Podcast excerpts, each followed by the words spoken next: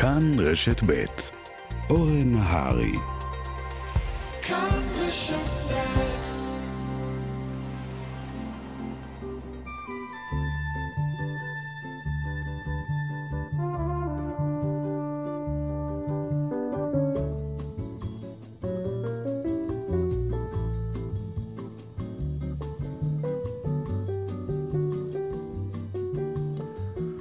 בוקר טוב ושבת שלום לכם. כמדי שבוע התכנסנו כאן בבוקר הזה, ובשעתיים הקרובות נדבר על דברים רבים. על מרד גטו ורשה, האם נמגר את הסרטן בעתיד הנראה לעין, ובשעה השנייה המוקדשת לשעה אחת במאה ה-20, והפעם 1902, מלחמת הבורים, וקובה, ואלטנוילנד, ועוד ועוד. עורכת משנה ומפיקה מאיה טלמון עזרזר, על השידור אמיר שמואלי ואני אורן נהרי, מתחילים.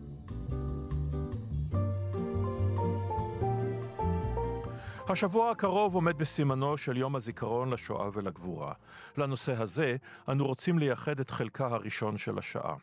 בשתי השבתות האחרונות דיברנו על היבטים שונים בשטטל, אותה עיירה יהודית מיתולוגית אבל מציאותית של מזרח אירופה במישורים הענקיים של פולין, ליטא, בלרוס, אוקראינה. היום נדבר על מותה של העיירה היהודית, על מותו של אותו מרחב עצום שבו חיו יהודים. הנה השיר, צימוקים ושקדים, שירו של אברהם גולדפדן.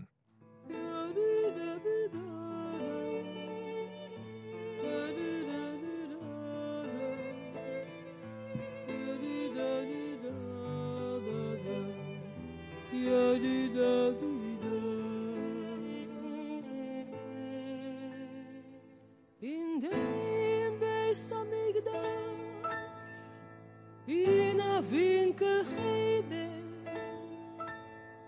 Sieht die almone bast sie alle hier ben jochel idele wiegt sie geseide und singt ihm zu schlafen alle Riedeles wie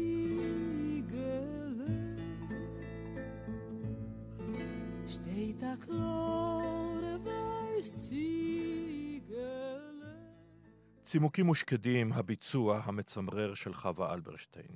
שלום לפרופסור שמעון רדליך. שלום רב. פרופסור אמריטוס להיסטוריה, אוניברסיטת בן גוריון, כשאנחנו חושבים על מות השטטל, אנחנו חושבים על הגטאות שבהם רוכזו היהודים וקרחות היער שבהם נרצחו, ומיד נגיע לכאן, אבל קודם לכן, השטטל כבר החל להתרוקן, כלומר, אותו מרחב עצום מיושב יהודים היהודים החלו להגר. הם היגרו לאמריקה, הם היגרו לארגנטינה, הם עלו לארץ ישראל, הם עברו לערים. השטטל כבר היה בערוב ימיו כשהחלה השואה, הלא כן? כן, אתה צודק, כי השטטל לא נשאר אה, במקומו כפי שהוא נשאר בדמיון, בתדמית שלו. אה, יש תהליכים שמתרחשים, מודרניזציה, אפשר לקרוא גם לזה נציונליזציה, פולין נהפכת יותר פולנית, ליטא ליטאית וכולי וכולי. אז אה, צריך לקחת בחשבון גם את כל התהליכים האלה. כאשר היהודים מתחילים להגר אחרי רצח הצאר אלכסנדר, מהגרים שניים וחצי מיליון יהודים, בעיקר לארצות הברית. אם בו השואה כמה יהודים היו במרחב העצום הזה של אה, נניח של אה, ביילורוסיה, בלרוס היום, אוקראינה, פולין, המדינות הבלטיות? אה, כמה מיליונים. אני יכול לומר לך יותר במדויק לגבי פולין, ששם התגוררו אז שלושה מיליון יהודים. וברית המועצות, ששם אה, חיו גם כן כמעט אותו מספר של יהודים. עכשיו, אתה עצמך אה, ניצול שואה מגליציה, מאותו תחום עצום של אה, מרכז מזרח אירופה. ספר קצת על החוויה האישית שלך באותה תקופה. כן, אני מסתכל על התקופה הזאת אה, כאילו מחווה שני כובעים. גם מי שחווה את זה כילד, מה שמכונה היום אה, ילד ניצול שואה, אה, child survivor, אבל גם כהיסטוריון, שחלק מהמחקרים שלו עסקו גם בתקופה הזאת. עכשיו, החוויה האישית שלי המרכזית, הייתי אומר שתי חוויות מרכזיות. אחת, האובדן, אבי נרצח בבית הקברות היהודי הישן בבז'ז'אנה, לא רחוק מלבוב, היום לוויו. אה, אבל, ועוד הרבה בני משפחה נרצחו או נשלחו לבלג'ץ, שזה המחנה ההשמדה המרכזי באזור הזה, אבל יש לי גם חוויה חיובית. והחוויה החיובית זה הצלה. ואותי הצילו שתי משפחות, משפחה פולנית ומשפחה אוקראינית. אז אני יצאתי מתוך השואה לא רק עם uh, מורשת של uh, טראומה, אובדן, עצב, אבל גם עם השקפת עולם אופטימית, שבזמנים הגרועים ביותר עדיין היו בני אדם, מה שאני מכנה מנץ' במושג של יידיש, להיות בן אדם. פרופסור רדליך, אנחנו מקליטים את התוכנית הזאת בדיוק ביום שבו מפרסם עופר אדרת בעיתון הארץ על כך שנחתם הסכם בין מדינת ישראל לבין ממשלת פולין, ובמסגרתו, כחלק מחידוש הסיורים של תלמידי תיכון לפולין, הם גם יבקרו במקומות המוקדשים לפולנים, להצלה הפולנית, לגיבורים פולנים, חלק מהם של ארמיה קריובה שהיה לצד אנטישמי, חלק מאנשים שהיו אה, אה, גיבורים פולנים אבל רצחו יהודים, וכמו שאתה מזכיר, התקופה הזאת היא תקופה מאוד מאוד מורכבת, שבה אה, יש מצד אחד בפולין הכי הרבה אה, חסידי אומות העולם, ומצד שני כאלה שהסגירו יהודים, כאלה ששיתפו פעולה עם הנאצים והרבה יותר ש, אה, אה, ששנאו יהודים בגלל קתוליות אנטישמית מבעבר, זה תמיד יותר מורכב ממה שזה נראה בכותרות, הלא כן? מסכים איתך במאת האחוזים. מילת המפתח להבנה נכונה, לא פוליטית ולא מניפולטיבית, היא מורכבות. המצב היה מאוד מורכב. עכשיו לגבי מה שקורה היום בפולין והמשלחות שלנו, של נוער לפולין, אני בהחלט בעד זה שהצעירים הישראלים יכירו גם את הצד הפולני של ההיסטוריה, כי בלי זה אי אפשר להבין. לא הכל מרוכז רק באספקט היהודי, אבל מצד שני אני מתנגד ומתעב את המניפולציה של פוליטיקאים בעבר, בהיסטוריה שלנו, של אחרים, ובאותה מידה אני מתעב מי שבישראל עושה מניפולציה ומי שבפולין עושה מניפולציה. תנו להיסטוריונים לעבוד, הייתי אומר. אל תשתמשו בהיסטוריה למטרות פוליטיות. עכשיו, אה, אם אנחנו חוזרים רגע אל העבר, אה, הרבה מאוד, כמו שאנחנו יודעים, היו צעירים אה, שעלו לארץ ישראל, העלייה הראשונה, השנייה, שהם באו באמת מאותם אזורים, ייסדו פה מקומות, ייסדו את הקיבוצים ואת המושבות וכולי וכולי. היו רבים שהיגרו לארצות הברית, אה, בהרבה מקרים זה היה האבא שנוסע קודם ומביא את המשפחה, עובדים אולי בתעשיית האופנה, לימים הם ייסדו את הוליווד, חלק מהם, וימשיכו, יחיו את חייהם. מי היו האנשים שנשארו באירופה אה, באותו אזור גדול? האם אלה היו בעיקר קהילות אה, אה, חרדיות אורתודוקסיות, היו גם אה, חילונים שנשארו, היו הבונדיסטים, תתאר לנו אותם. החברה היהודית במרכז מזרח אירופה הייתה מאוד מגוונת, החל מאורתודוקסים קיצוניים שיש להם המשכיות עד היום, גם בארץ וגם בוויליאמסבורג, בניו יורק וכולי, ועד אה, קומוניסטים נלהבים. כך שיש לנו כאן את כל גוני הקשת הפוליטית התרבותית והעולם היהודי או של היהודים הוא עולם חי ותוסס ומאוד מעניין. ואנחנו מדברים, אחרי מלחמת העולם הראשונה, אחרי uh, קיצן של האימפריות הגדולות של האזור הזה, של בית רומנוב, בית הוהנצולרן, בית הבסבורג בוודאי, אנחנו מדברים על היהודים שנמצאים במדינות לאום, ומה היחס אליהם בין שתי מלחמות העולם? של אנטישמיות אנטישמיות די, די ממוסדת, לא כן? בהונגריה, ברומניה, אה, בפולין. אני יותר קרוב ל... לאוטוביוגרפיה של עצמי, וזה פולין.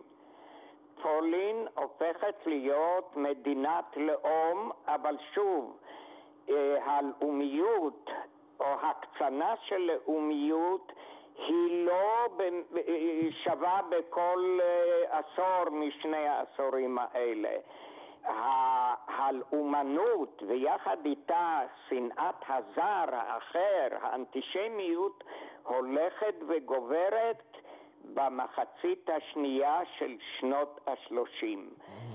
ולכן חשוב מאוד להבין את, ה, את הזרמים האלה, את הכיוונים האלה, כי אלה קודמים ממש לפרוץ מלחמת העולם השנייה, ויש להם קשר למה שיקרה אחר כך באזורים האלה. והייתי רוצה להזכיר את עבודותיו המצוינות של אמ, קולגה שלי, גם מכיר אישי שלי, טימותי סניידר, כן. שכתב ספר או שניים על האזורים האלה ארצות, ועל... ארצות הדמים הוא ספרו הידוע ביותר והטוב ביותר. ארצות הדמים גם תורגם לעברית, והוא מניח את זה באמת בקונטקסט הרחב יותר. ובסופו של דבר, אה, אה, אותם אנשים באותן עיירות, חלק גדול מאוד מהם נרצחו עוד לפני שנבנה תא הגזים הראשון, במה שנקרא שואת הכדורים. כאשר הנאצים, ובמקרים רבים מאוד אה, אה, משתפי פעולה, מגיעים אל אותן עיירות ולעיתים ערים, אוספים את היהודים, לוקחים אותם לקרחת יער, אולי המפורסמת שבהן באבי יער, ליד קייב, ו- ו- ורוצחים אותם שם. כן, בשבילי זה גם זיכרון אישי. אני זוכר את התאריך, ה-12 ליוני 1943, אקציית החיסול של אחרוני גטו בז'ז'אנה. אני יושב עם אמי במסתור מצוין שלא גילו אותו למזלנו, אבל אני שומע את היריות ממרחק של כשני קילומטר מבית הקברות היהודי העתיק הישן ששם מוציאים להורג בירייה את אחרוני יהודי בז'ז'אנה וביניהם את אבי. כך שבשבילי זה לא רק זיכרון היסטורי מחקרי, אלא גם זיכרון מאוד מאוד אישי. איך שורדים אחרי כזה דבר? אז תראה, אני יכול לדבר מנקודת ראות של ילד, כי הייתי אז ילד בן שבע, שמונה. החוויה של ילדים בש... בשואה הייתה שונה מהחוויה של המבוגרים. אנחנו לא כל כך תפסנו כמובן, לא כל כך הבנו, ועד כמה שאפשר היה המשכנו לחיות את חיי הילדים שלנו, כמה שזה נשמע מוזר. למשל, כשהיינו עוד ב, ב, לפני החיסול בגטו בז'ז'אנה, בבניין אחד גדול עם uh, עוד ילדים, היינו יום יום משחקים שם, למרות ש, שבזמן האקציות היה פחד מוות, אבל מי, כנראה שלבני אדם יש כוח חיות עצום. שאנחנו לא משערים אותו. ו... ואמרתי לך כבר שלי יש מזל אישי. א', כן. שמעולם לא הופרדתי מאימי, היא הייתה איתי תמיד, בכל המחבואים, בכל המסתורים. ודבר שני, שאותי הצילו בני אדם ולא מסרו לידי הנאצים או לא הוציאו אותי להורג. כך שכל אחד עם החוויה שלו. תודה רבה לך על הדברים האלה, הפרופסור שמעון רדליך, פרופסור אמריטוס להיסטוריה באוניברסיטת בן גוריון וניצול שואה. תודה לך על הדברים האלה, וכעת השיר אין חדש.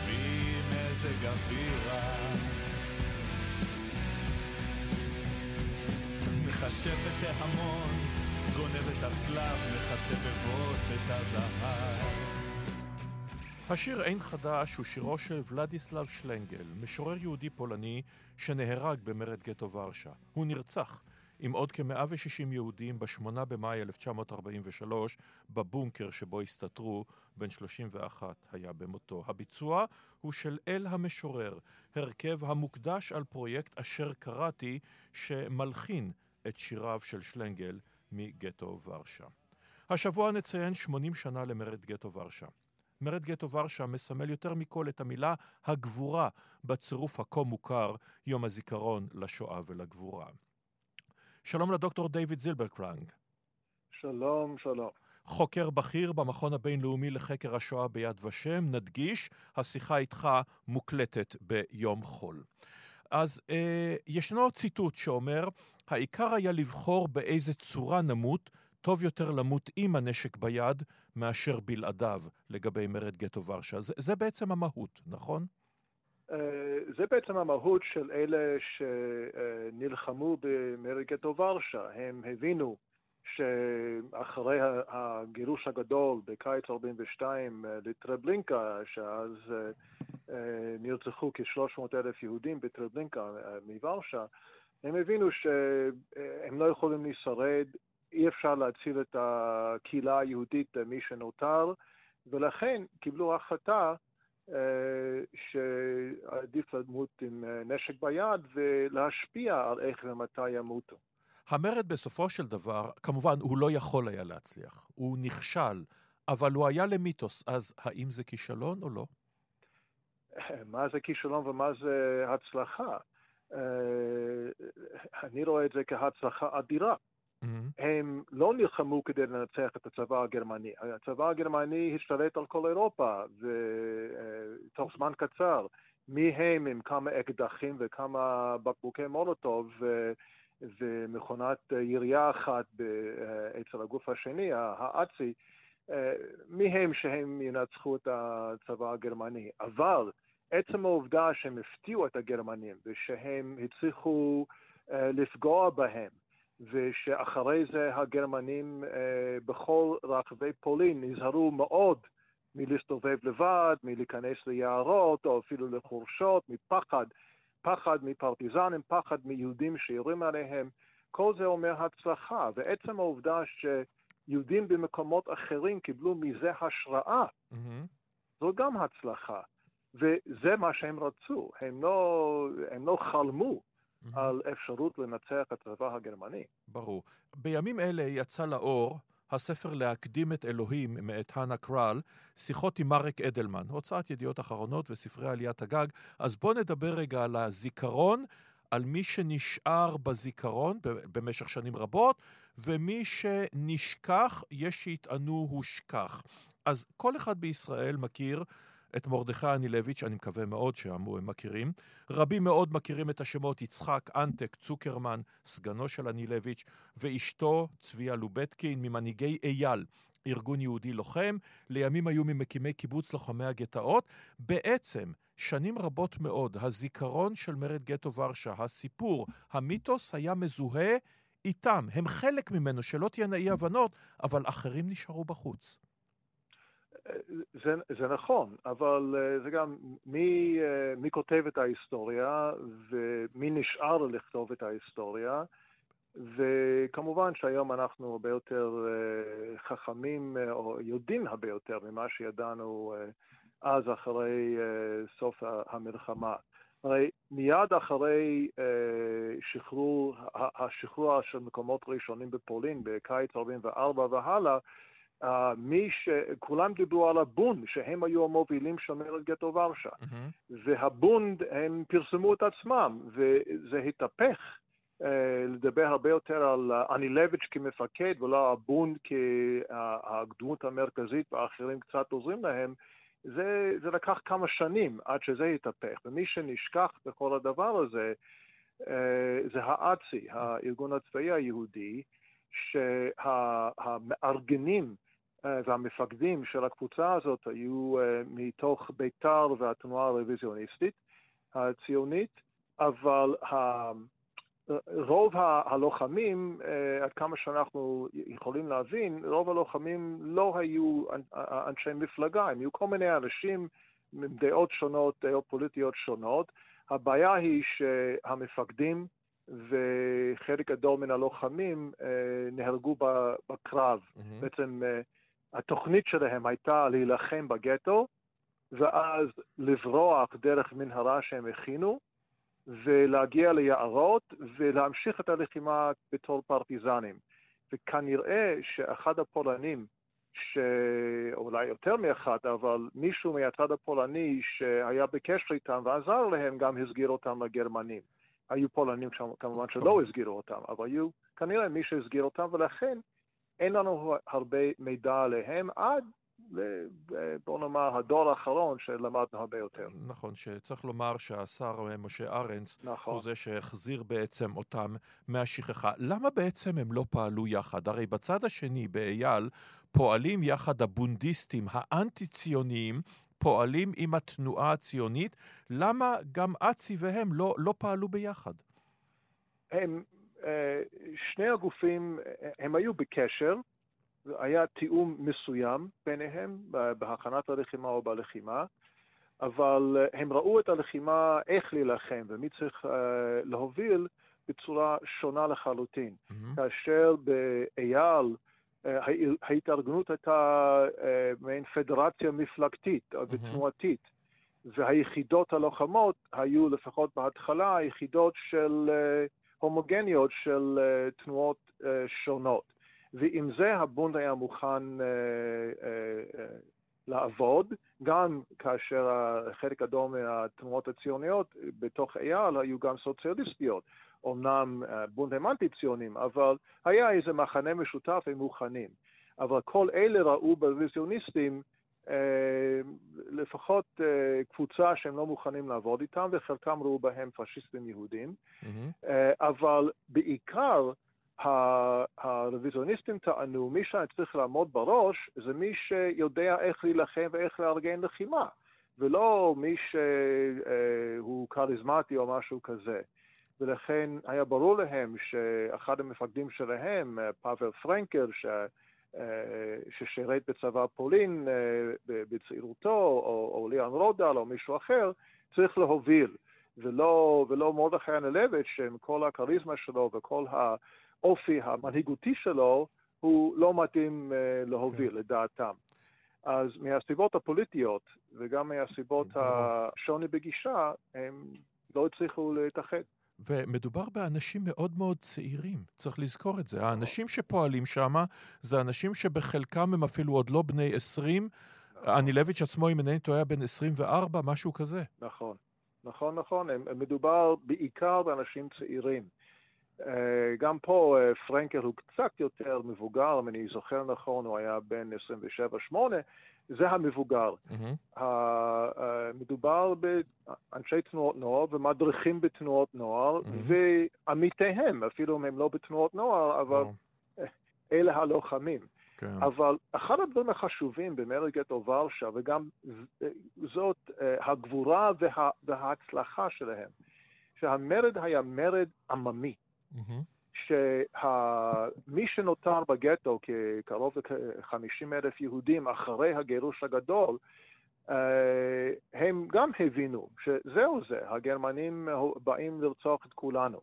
והם תמכו ברעיון המרד, ובמיוחד אחרי המרד הקטן, לפי הלוחמים, אה, בינואר 43, כאשר הגרמנים באו אה, לקחת כמה אלפים למחנות עבודה, אבל הלוחמים פירשו את זה לא נכון כחיסול הגטו ונלחמו, וזה הדהים את הגטו, גם הדהים את הגרמנים, ו...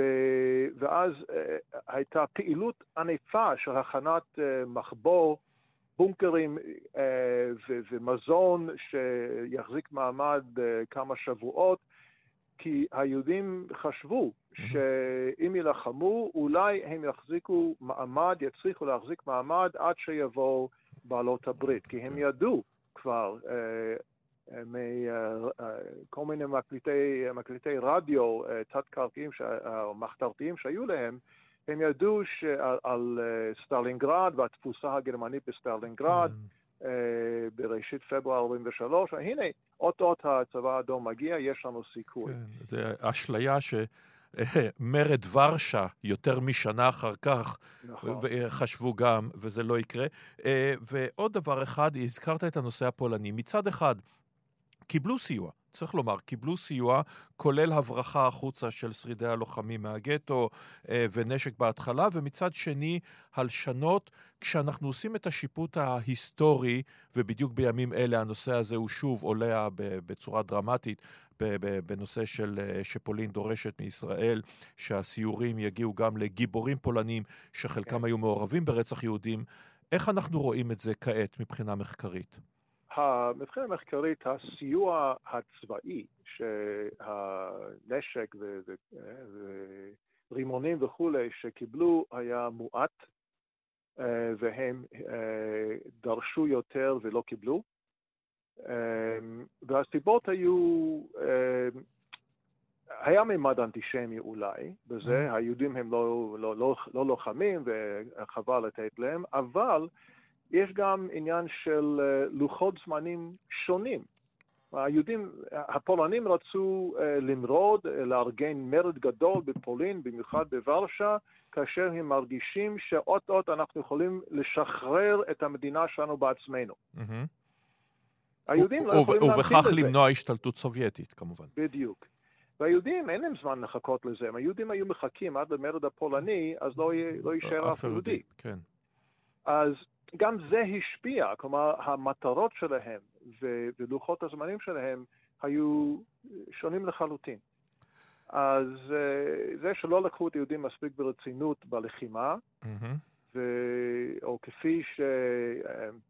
אה, חסיד אומות העולם יאן קרסקי ציטט את אה, המפקד של אה, המחתרת הפולנית הגדולה ביותר, האכ"א, צבא okay. כן. המולדת. ארמיה קריובה.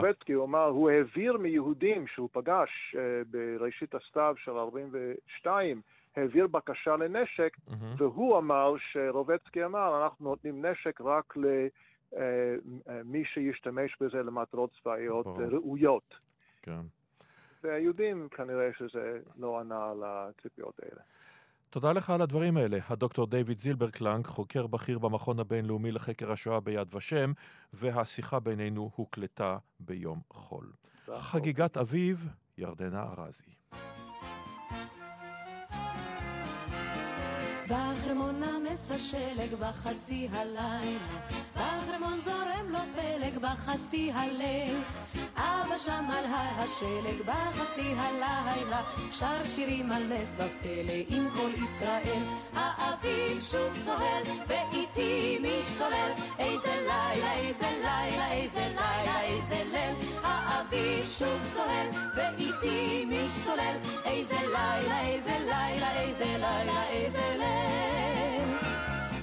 תמר פורח בחצי הלילה, הירח שם זורח בחצי הליל, שם אחי ודאי שומע בחצי הלילה את שירנו השמח כאן בישראל.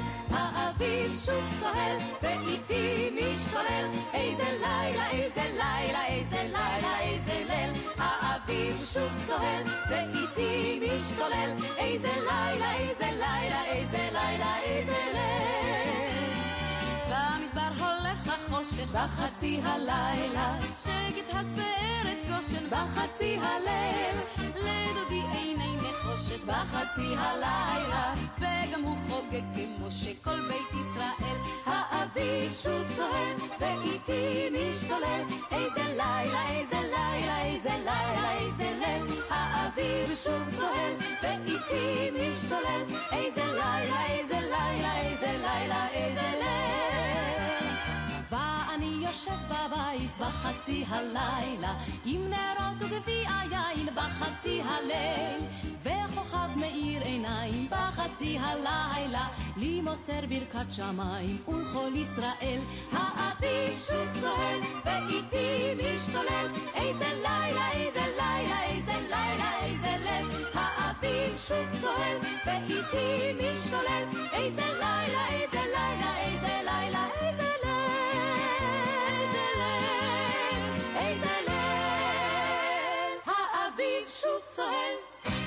וכעת להמשך השיחות שלנו, איך ייראה העולם בשנת 2050, והפעם, האם נמצא תרופה לסרטן עד שנת 2050, או בכלל. שלום לפרופסור נדיר ארבר. שלום לאורן, מה שלומך? בסדר גמור. תודה, גם לך.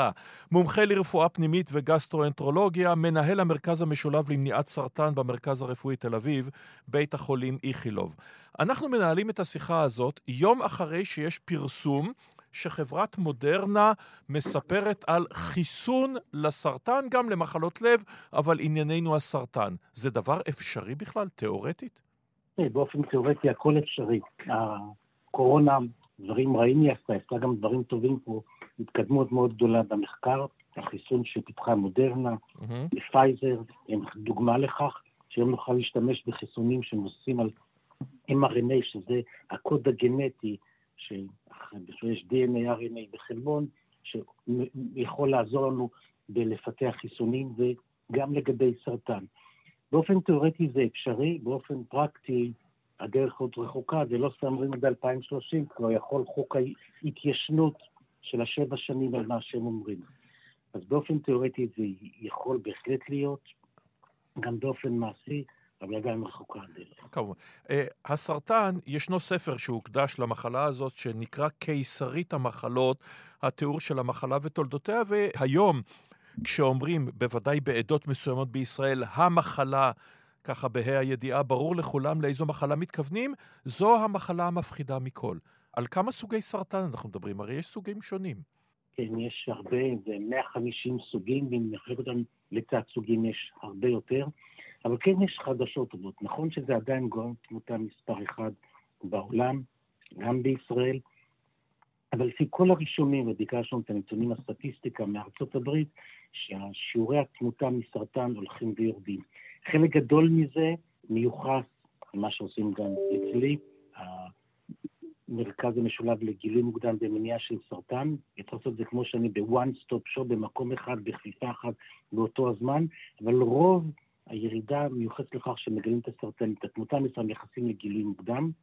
יחד עם זאת, יש להם גם טיפולים שהם טובים יותר, וגם מי שחלה בסרטן, אה, יש טיפולים, אני זוכר שהייתי סטודנט לרפואה בתחילת דרכי של CML, שזה לוקמיה כרונית, אנשים מתים תוך שלוש-ארבע שנים, היום זה נהפך למחלה כרונית, וחיים עם המולטיפל מיאלומה. בכלל, הממלירות ההמטולוגיות הם הכי מתקדמים ועובדים הרבה על גנטיקה, ואז גם אפשר להתאים את הטיפולים שממש מתאים לזה. בהחלט יש, הדרך הכי טובה לטפל בסרטן זה גילוי מוקדם ומניעה, אבל יחד עם זאת, גם הטיפולים שיש היום בהחלט טובים ומאריכים חיים. עכשיו, כשאתה מדבר על... כשאתה מדבר על גילוי מוקדם, גילוי מוקדם אה, יכול פשוט למנוע את הסרטן לחלוטין. אנחנו נמצאים או מתקרבים למצב שבו גילוי מוקדם פשוט יפתור את כל סוגי הסרטן? לא, גילוי מוקדם, אתה מטפל כבר, ויש כבר סרטן. מניעה. חושב שסרטן המעי הגס, סרטן שהכי הורג במדינת ישראל, הורג יותר מקורונה, נפגעי פעולות איבה ותאונות דרכים גם יחד, ופה יש הכי הרבה מה לעשות, ולעשות אני מתכוון, עושים קולונוסקופיה, מוצאים פוליט, מוצאים אותו, מנהל את סרטן המעי. אחד הסרטנים היחידים שאנחנו יודעים לזאת את השלב הטרום המהיר, ואז ככה למנוע את הסרטן. ועוד פעם, דוגמה טובה איך אפשר למנוע. שאר הסרטנים יודעים בדרכים כלליות, בשינוי באורחות חיים, תזונה נכונה, אה, לא לעשן, לא לשתות, לפעמים אולי אספירים, אבל ברוב המקרים אנחנו לא יודעים ממש למנוע את הסרטנים. או על ידי, כן יש דברים שאפשר למנוע, כמו סרטן של צוואר הרחם, על ידי חיסון, וגם בזה רואים את ה-Human Papilloma Virus. בהחלט mm. יש ירידה בכל העולם בסרטן צוואר הרחם, לא רק בישראל, שזה נדיר, ואם מייחסים את זה לברית מילה, אה, גם בעולם יש, מייחסים את זה לחיסון, גם של הבנים וגם של הבנות. הזכרת את הנושא הזה, היבטים גנטיים. עד כמה הסרטן הוא מחלה גנטית או בעלת היבטים גנטיים, שאם נהיה ביום שבו, לצורך העניין, בעתיד, אני יודע מה, בתור חובב סרטי מדע בדיוני, ננובוטים ישוטטו בדם שלנו ויוכלו לתקן כל מיני כשלים, אה, או מה שנראה בינינו כשלים גנטיים, האם זה יפתור את כל הבעיות בסרטן, או חלק מהן? זה בהחלט יכול להיות. יש שקוראים לזה קרייספר, והמודלים האלה כבר קיימים ועובדים.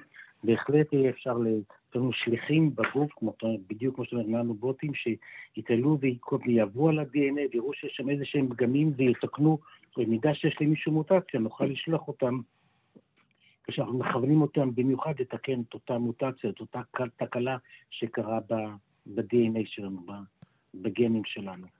ובאופן... בהחלט, בהחלט זה יכול להיות.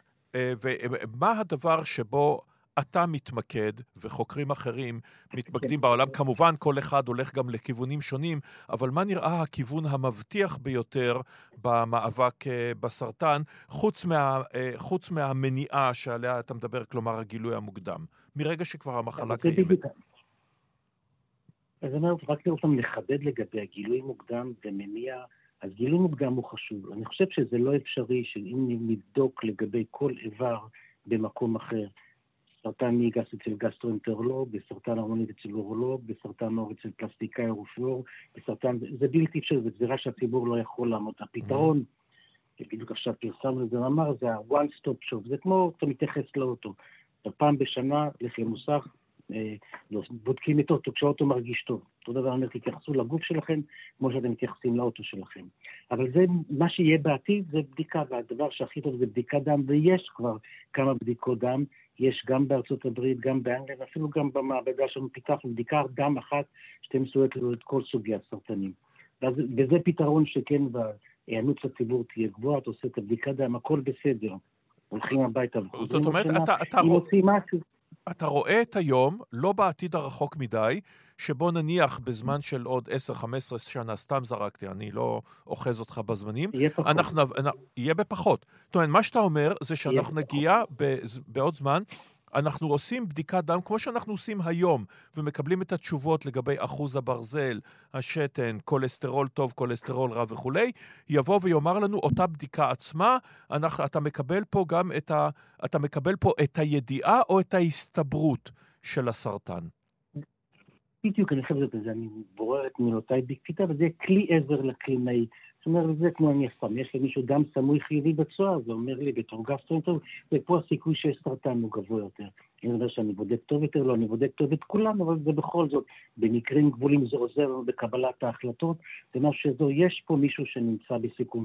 בסך הכל זה הכל משחק בין תוצא, תוצאה כזובה חיובית, תוצאה כזובה שלילית, והכל בסופו של דבר זה סטטיסטיקות ומספרים, אבל זה בהחלט יהיה כלי עזר לזה שיש לנו, יש לבן אדם נמצא בסיכון גבוה יותר, ולכן צריך להעמיק, או להניח מישהו שמעשן, וכמו שבאים אליי ואני עושה לו לואו דו סיטי כדי לבלוט סרטן ריאות, אז אולי במקרה שהבדיקה תהיה נתחיל את זה בגיל מוקדם יותר. בהחלט זה יכול לעזור לנו על מנת לכוון ולתת את הטיפול הטוב יותר. אין ספק שזה מה שיקרה. ואם אנחנו לא מדברים על שנת 2050, אלא אולי על שנת 2100, 150, אה, האם אנחנו נהיה במצב שבו, יש כאלה שטוענים שאנחנו כבר בדרך לשם, אה, יש כאלה שאומרים, האדם הראשון שיחיה 150 שנה כבר נולד, שבו השילוב של ידע בגנטיקה וננו-טכנולוגיה וממשק אדם-מכונה אה, ואותם ננובוטים בדם וכולי וכולי, כלומר שתוחלת החיים לא תעלה מ-80 ל-90, אלא 80 ל-200, 300, אפילו 800 שנה, תיאורטית? אה, כן, אני חושב שבהחלט, אה, השאלה אבל איך נחיה, האם נחיה עד 200 כ-80 או עד 200 כ-180? כן. זאת השאלה אבל בהחלט, בכנס שעשינו, אני חושב שגם השתתפת על איך תראה רפואה, ב- לא 2050 אלא 2042, בהחלט קירה רדינסקי דיברה על כך שאנשים שנולדים היום, הם יוכלו לחיות עד גיל 200. ואני חושב שהשילוב הזה של שינוי באורחות חיים, של גילוי מוקדם, של יכולת כן לשמור ולתקן את ה-DNA שלנו כשהוא נפגע, בהחלט יוכלו לעזור לנו להגיע לשם. בהחלט. אוקיי, יש למה לצפות. בהחלט בתקופה כזאת צריך להיות להיות אופטימי, במיוחד בתקופה כזאת. נכון, ואני מנסה לחשוב, אתה יודע, איך ייראה סדר פסח במשפחה שבה חיים, אתה יודע, לא שלושה דורות, אלא שלושים דורות המתכנסים יחד. יש למה לצפות. תודה לך על הדברים האלה. הפרופסור נדיר ארבר, מומחה לרפואה פנימית וגסטרואנטרולוגיה, מנהל המרכז המשולב לגילוי ומניעת סרטן במרכז הרפואי תל אביב, בית החולים איכילוב.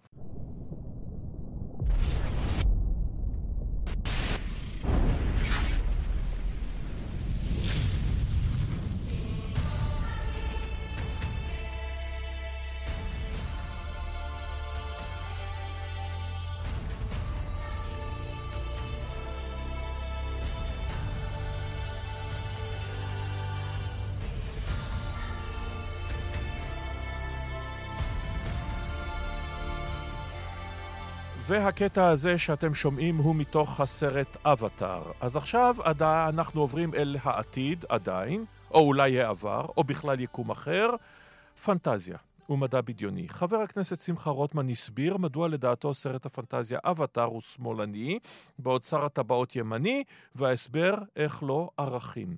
אבטר בעד איכות הסביבה השמאלנית, ושר הטבעות הוא רע נגד טוב והטוב מנצח, שזה כמובן ימני, לתפיסתו לפחות. שלום לנועה מנהיים. שלום. עורכת בהוצאת כנרת זמורה ביטן, מסאית, חוקרת תרבות, מאוד מאוד ממליץ על הפודקאסט שלה, האחיות גרים, שלה ושל איילת טריאסט, חפשו ותהנו. אז תודה. בואי נדבר על איכות הסביבה בפנטזיה ומדע בדיוני. יש לנו פה מיד את התפיסה, ובאבטר קצת רואים את זה, את הפרא האציל החי mm. בהרמוניה עם הטבע, והאדם הלבן הקפיטליסטי, הקולוניאליסטי, כדרכו מגיע ומביא הרס. זאת אומרת, לוקחים כן. את העבר, מלבישים אותו על העתיד.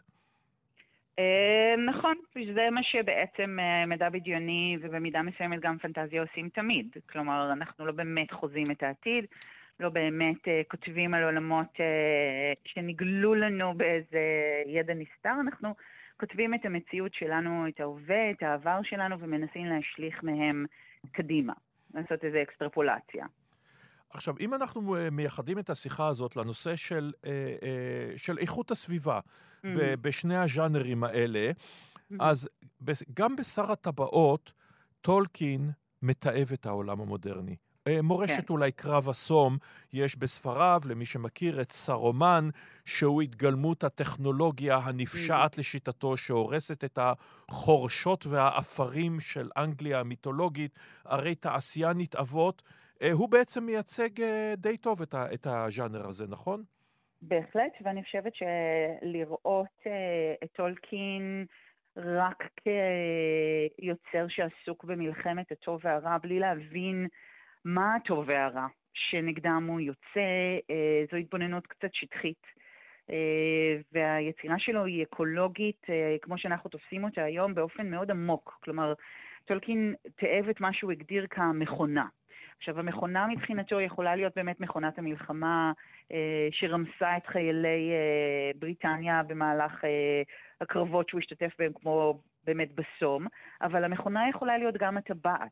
אה, אותה טבעת שסאורון, שר האופל, אה, מחשל. כלומר, איזשהו מכשיר שהוא אה, יציר כפיו של האדם, שמאפשר לו לשעבד לא רק אנשים אחרים, אלא גם את הטבע עצמו. יש הרבה מאוד תיאורי טבע הן מחרידים והן מרחיבי נפש בספרים שלו, והנזק שמתחולל, כן, לעצים, לסביבה, לאדמה עצמה, חוזר שוב ושוב ביצירה שלו. זה משהו שבסרטים, שאולי רוב מאזיננו מכירים אותו מהם, לא קיבל הרבה מאוד דגש, אבל בספרים זה מאוד מאוד נוכח. כלומר, מבחינתו הרע אה, זו הטכנולוגיה שמשמידה את, ה, את הטבע. כן. אז זה לא איזה רע ארטילאי כזה שרע מתוקף היותו, אין, אין, אין, אה, אין רע שרע, יש רע שרע לא. אז כן. זה ה... וזה לא רק הוא, כל הפנטזיה האפית, או חלקים גדולים ממנה, mm-hmm. מזוהים איתנו, אפילו עד לרמת הקריקטורה, עם עולם היערות הבימי ביניימי הזה של חרבות וטירות וגלימות. כן. נכון, קוסמות וקוסמים ומכשפים, ועיירות קטנות. כלומר, שוב חוזרים שוב ושוב אל, אל, אל הקלישאות האלה של איזשהו עולם שאנחנו חיים בשלום ובשלווה ובהרמוניה עם הטבע, בהנחה שהיה כזה אי פעם. כן, זאת אומרת, מהבחינה הזו מעין ארקדיה, כן? Mm-hmm. במובן המסורתי של, של גר זאב עם כבש ונמר עם גדי ערוות, וזה מין גן עדן עלי אדמות. כשהאיום הוא תמיד בצורות כאלה ואחרות והתגלמויות כאלה ואחרות, איום שמאיים על הסדר הטבעי הזה. דוגמה אולי הכי מובהקת בעיניי ואהובה עליי, היא ביצירות של אורסולה לגוויין, mm-hmm. ששם באמת הקוסמים, מי שמפעילים קסם, עסוקים כל הזמן בניסיון לשמור על האיזון. האיזון עם מה? האיזון באמת עם עולם הטבע. כלומר, לא להפר את האיזון הטבעי, לא לקחת יותר ממה שאנחנו אה, יכולים או צריכים, אה, לא להשמיד את הדבר הזה שאנחנו אה, יונקים ממנו וניזונים ממנו.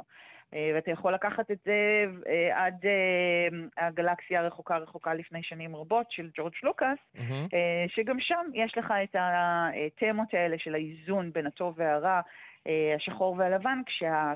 טוב מייצג סדר טבעי שחי באמת הרמוניה עם הטבע. מה זה הכוח, כן, the force uh, binds us, כן, הוא מין צ'י כזה שקושר את כל היצורים החיים יחד, וכאשר משמידים יצורים חיים יש תנודה מאוד חזקה בכוח, כן? וב... הסדר הטבעי מופר. ובשיא הסרט הרביעי, שהוא בעצם הראשון, כמובן אתה זונח את המדע לטובת הפורס, ואם נעבור למדע בדיוני, מדע בדיוני mm-hmm. בשלבים מסוימים בוודאי, הוא אה, אה, אה, קצת שואב מהפוטוריזם האיטלקי הפרוטו-פשיסטי, mm-hmm. עם חל... המעריצים של חלליות וטכנולוגיה וקרבות אפיים. זאת אומרת, זה הולך, הדגש יותר פשוט על המדע, הרבה פחות על, ה... על הטבע.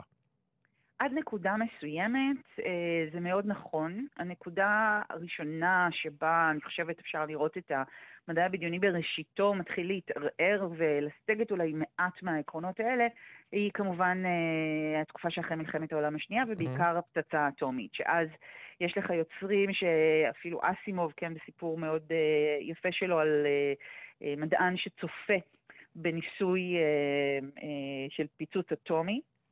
אתה רואה את היוצרים מתחילים אה, לשאול את עצמם שאלות על הכוחות האלה שאנחנו משחררים אל העולם, והאם באמת המדע הוא אה, כוח לטוב או כוח לרע. עכשיו, זה הולך עד לממש ראשית ימי הז'אנר, mm-hmm. כי הז'אנר הזה נולד מתוך קטסטרופה אקלימית, בעצם.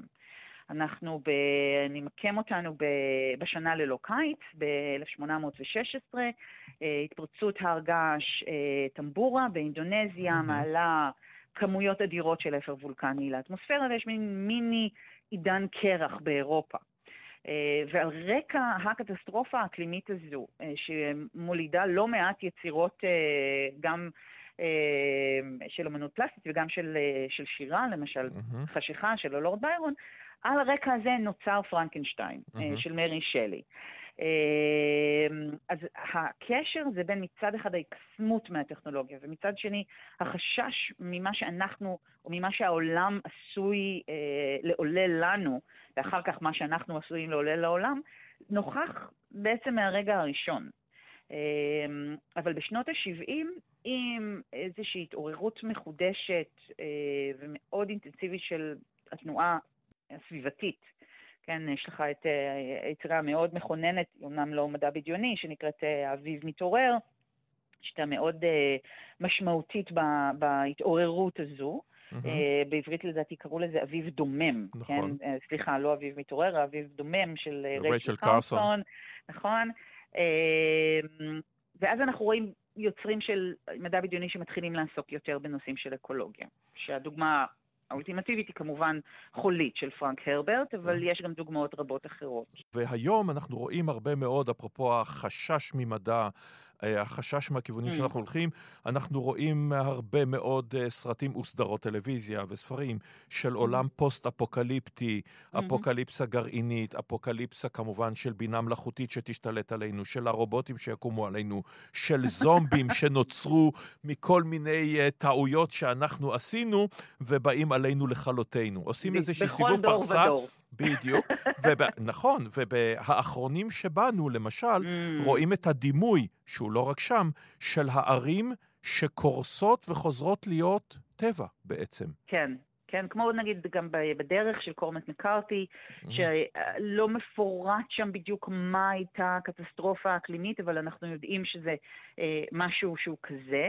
אה, ואגב, אפשר לראות את, את המעבר הזה מאוד יפה בעיבוד הטלוויזיוני שעשו לסיפורה של שפחה, של מרגרט mm-hmm. אטווד, אה, שאגב, כותבת גם היא הרבה מאוד על אקולוגיה, אה, מדע בדיוני אקולוגי כזה, אבל בסיפורה של שפחה, בספר, מה שגורם למצב הזה של אה, בעיות ילודה והעובדה שהעולם רובו מורעל, היא איזושהי קטסטרופה גרעינית. Mm-hmm.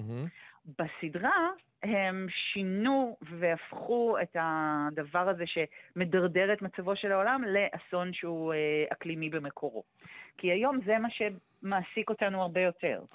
ואם אנחנו, הזכרת במילה, אבל אי אפשר שלא להתייחס כמובן לחולית שמשלב כן. כל כך הרבה רעיונות, וגם אקולוגיה, כולל אדם באותו כוכב ארקיס, שתפקידו האקולוג הראשי, כן. של השילוב הנהדר הזה של שימור הסביבה.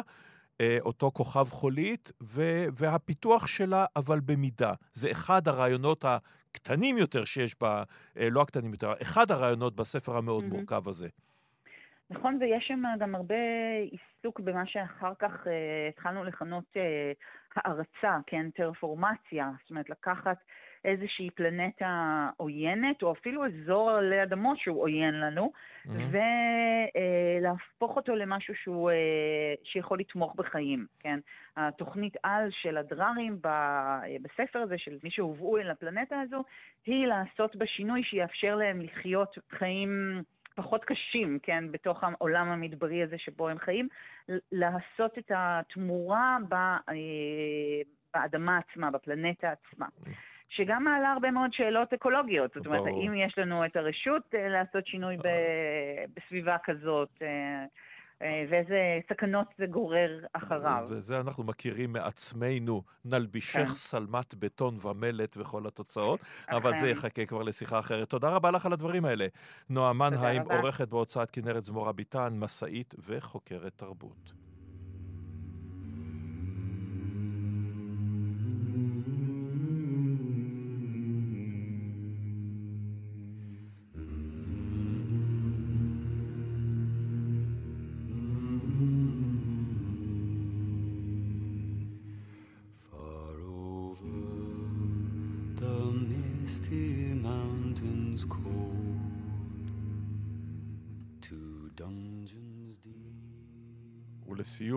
הקטע הזה עם נועה מנהיים על אה, מדע בדיוני ופנטזיה, הנה השיר מתוך אה, שר הטבעות כמובן, של הגמדים המתגעגעים לארצם. Find our long forgotten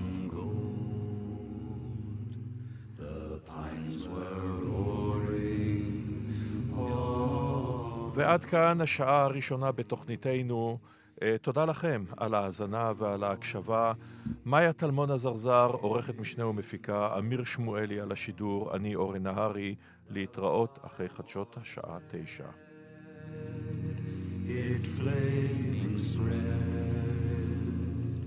the trees like torches blazed with light.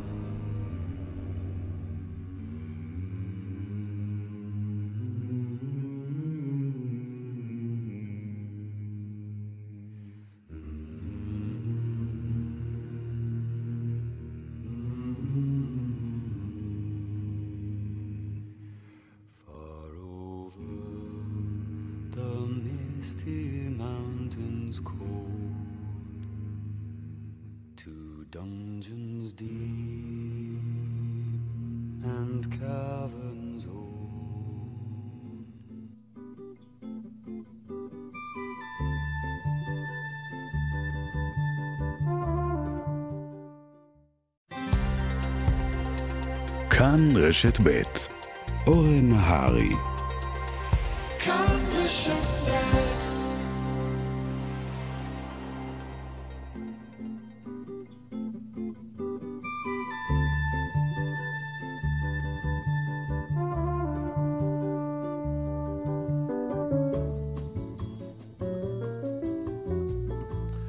בוקר טוב ושבת שלום לכם. אנו בשעה השנייה של תוכניתנו. עורכת משנה ומפיקה מאיה טלמון הזרזר, על השידור אמיר שמואלי וחיים זקן ואני אורן נהרי, והשעה השנייה מוקדשת לשנה אחת בהיסטוריה, השנה, לפי הסדר, 1902. ב-31 במאי 1902, אחרי יותר משנתיים וחצי של לחימה, הסתיימה מלחמת הבורים בדרום אפריקה. היא השאירה הרבה מאוד מורשות שמיד נדבר עליהן, אבל נתחיל בשיר, שלימים עשה עלייה לארץ ישראל בתור השריון עשה היסטוריה, במקור הוא "אנו צועדים לפרטוריה", פרטוריה נזכיר בירת הרפובליקה הבורית, ושני הצדדים, גם הבורים וגם האנגלים, שרו אותו, להקת ההורגים. Row, row,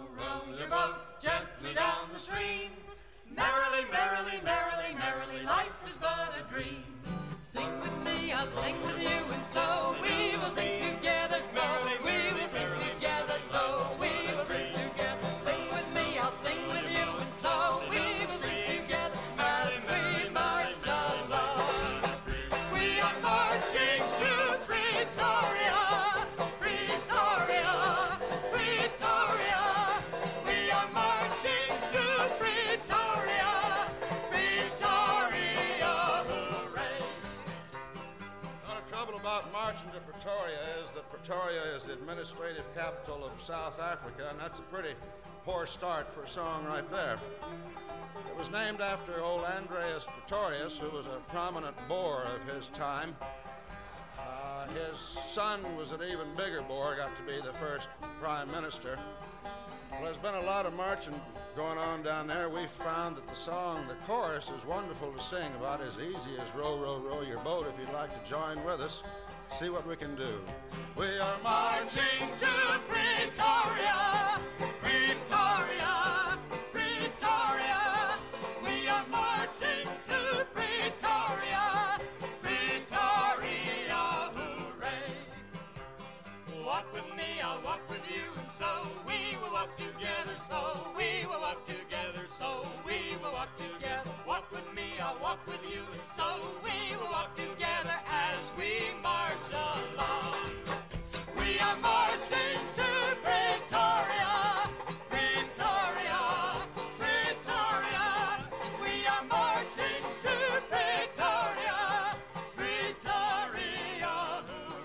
שלום לאלוף משנה במילואים יהודה יוחננוב, חוקר מלחמת הבורים. שלום אורן. בואו נתחיל בסיפור שבעצם מדובר פה במלחמת ביזה אימפריאלית, אין פה חוכמות. הבריטים באים לבזוז את אוצרותיה של דרום אפריקה, הם באים להשתלט על המיקום האסטרטגי, מיד כאשר מצאו כמובן גם זהב ויהלומים, הבורים מנסים להגן על המדינה שאותה הם גם הם כבשו בכוח הזרוע, כן, שלא תהיינה אי הבנות, וההתנגשות הזאת היא בלתי נמנעת.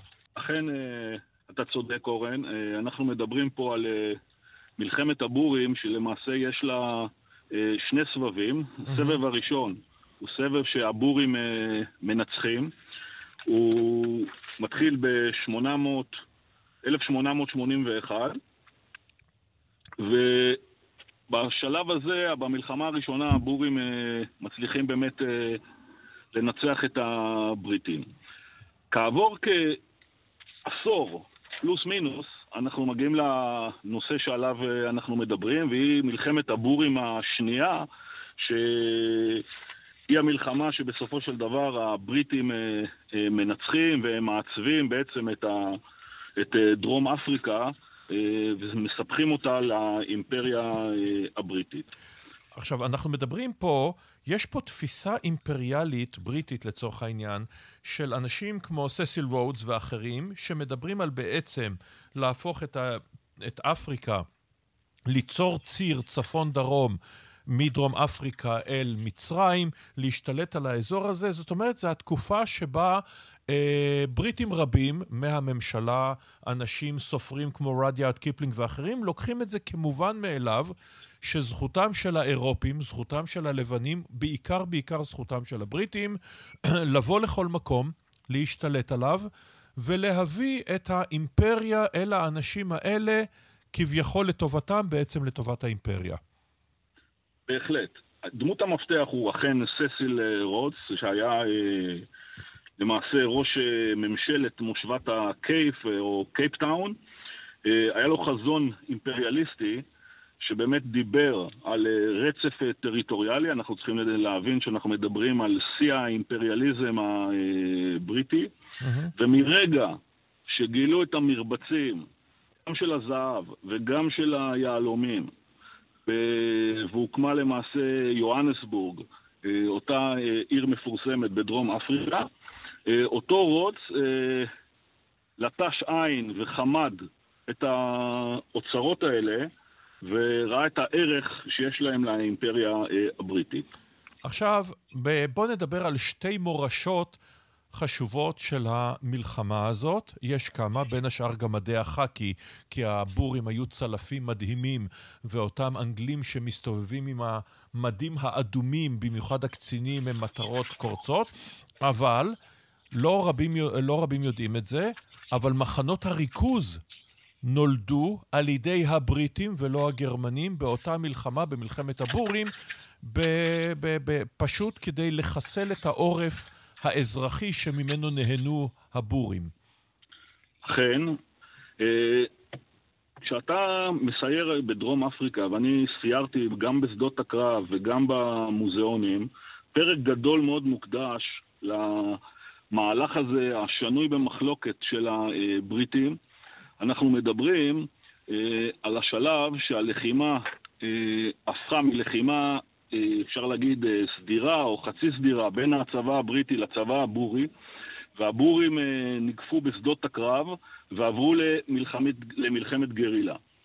אה, הבריטים, כתגובה, לא יכלו להתמודד עם היחידות הבוריות שהיו מאורגנות בקבוצות שנקראו קומנדו, והנה עוד ביטוי שנולד שם, בהחלט.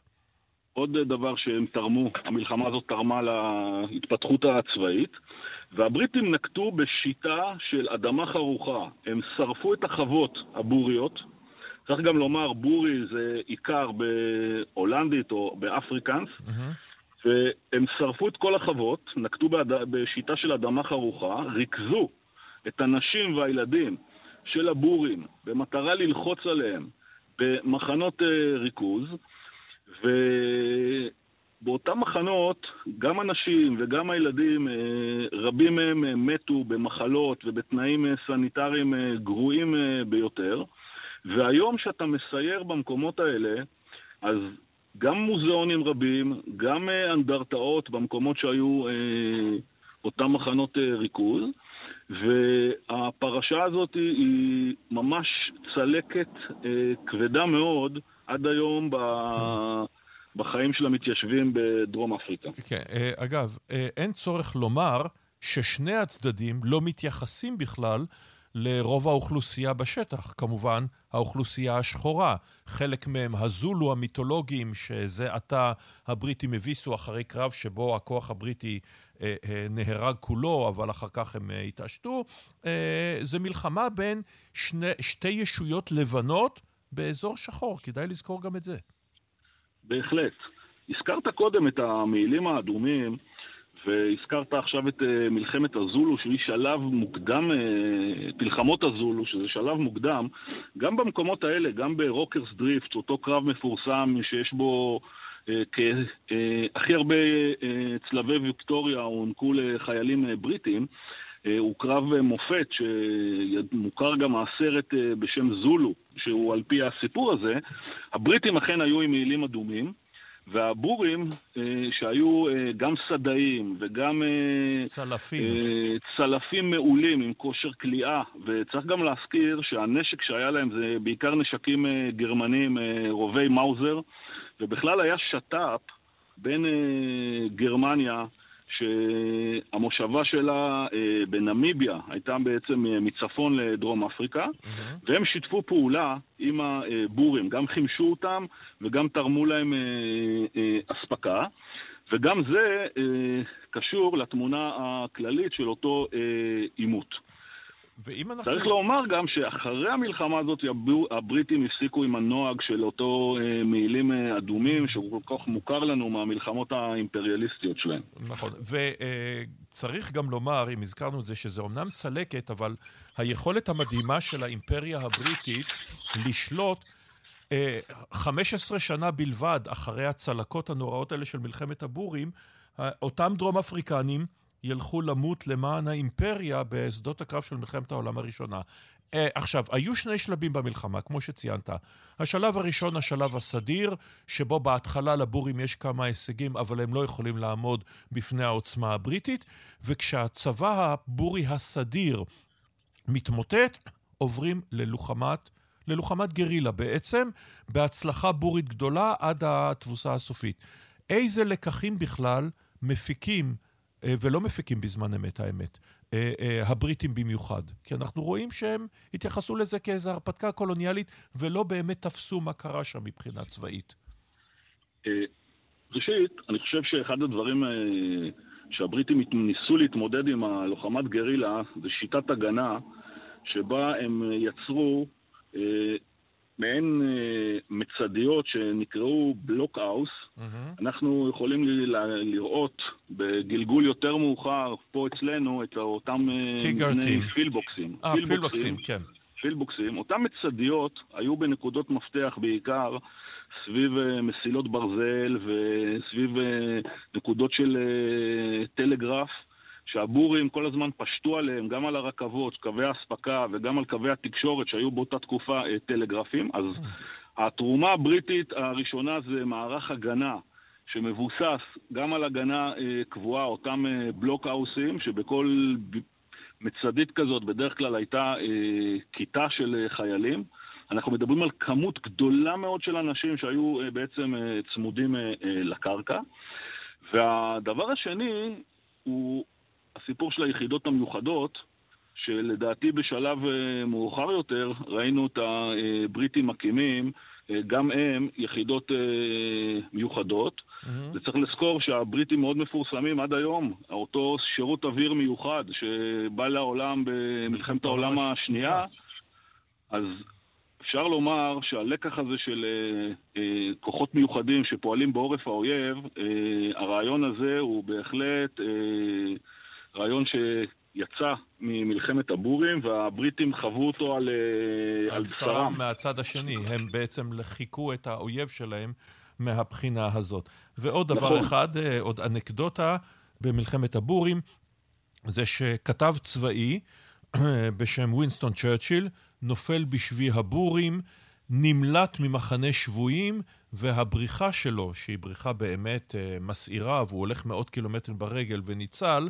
זה אחד הדברים שיזניקו את הקריירה של אותו כתב צבאי צעיר, לימים כמובן ראש ממשלה נערץ במלחמת העולם השנייה. תודה רבה לך על הדברים האלה, אלוף משנה בדימוס יהודה יוחננוף. תודה רבה.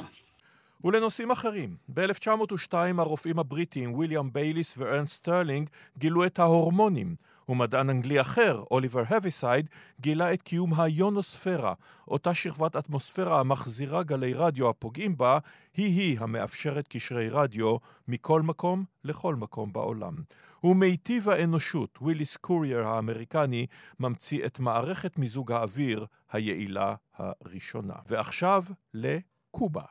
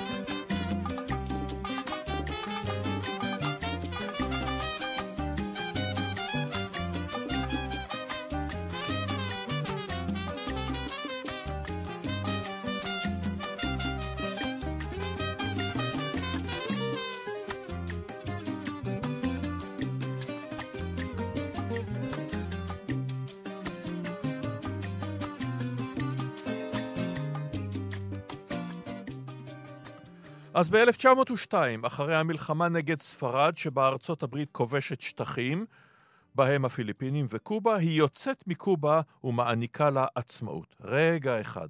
אמרתי את המילה עצמאות, יש בעיה.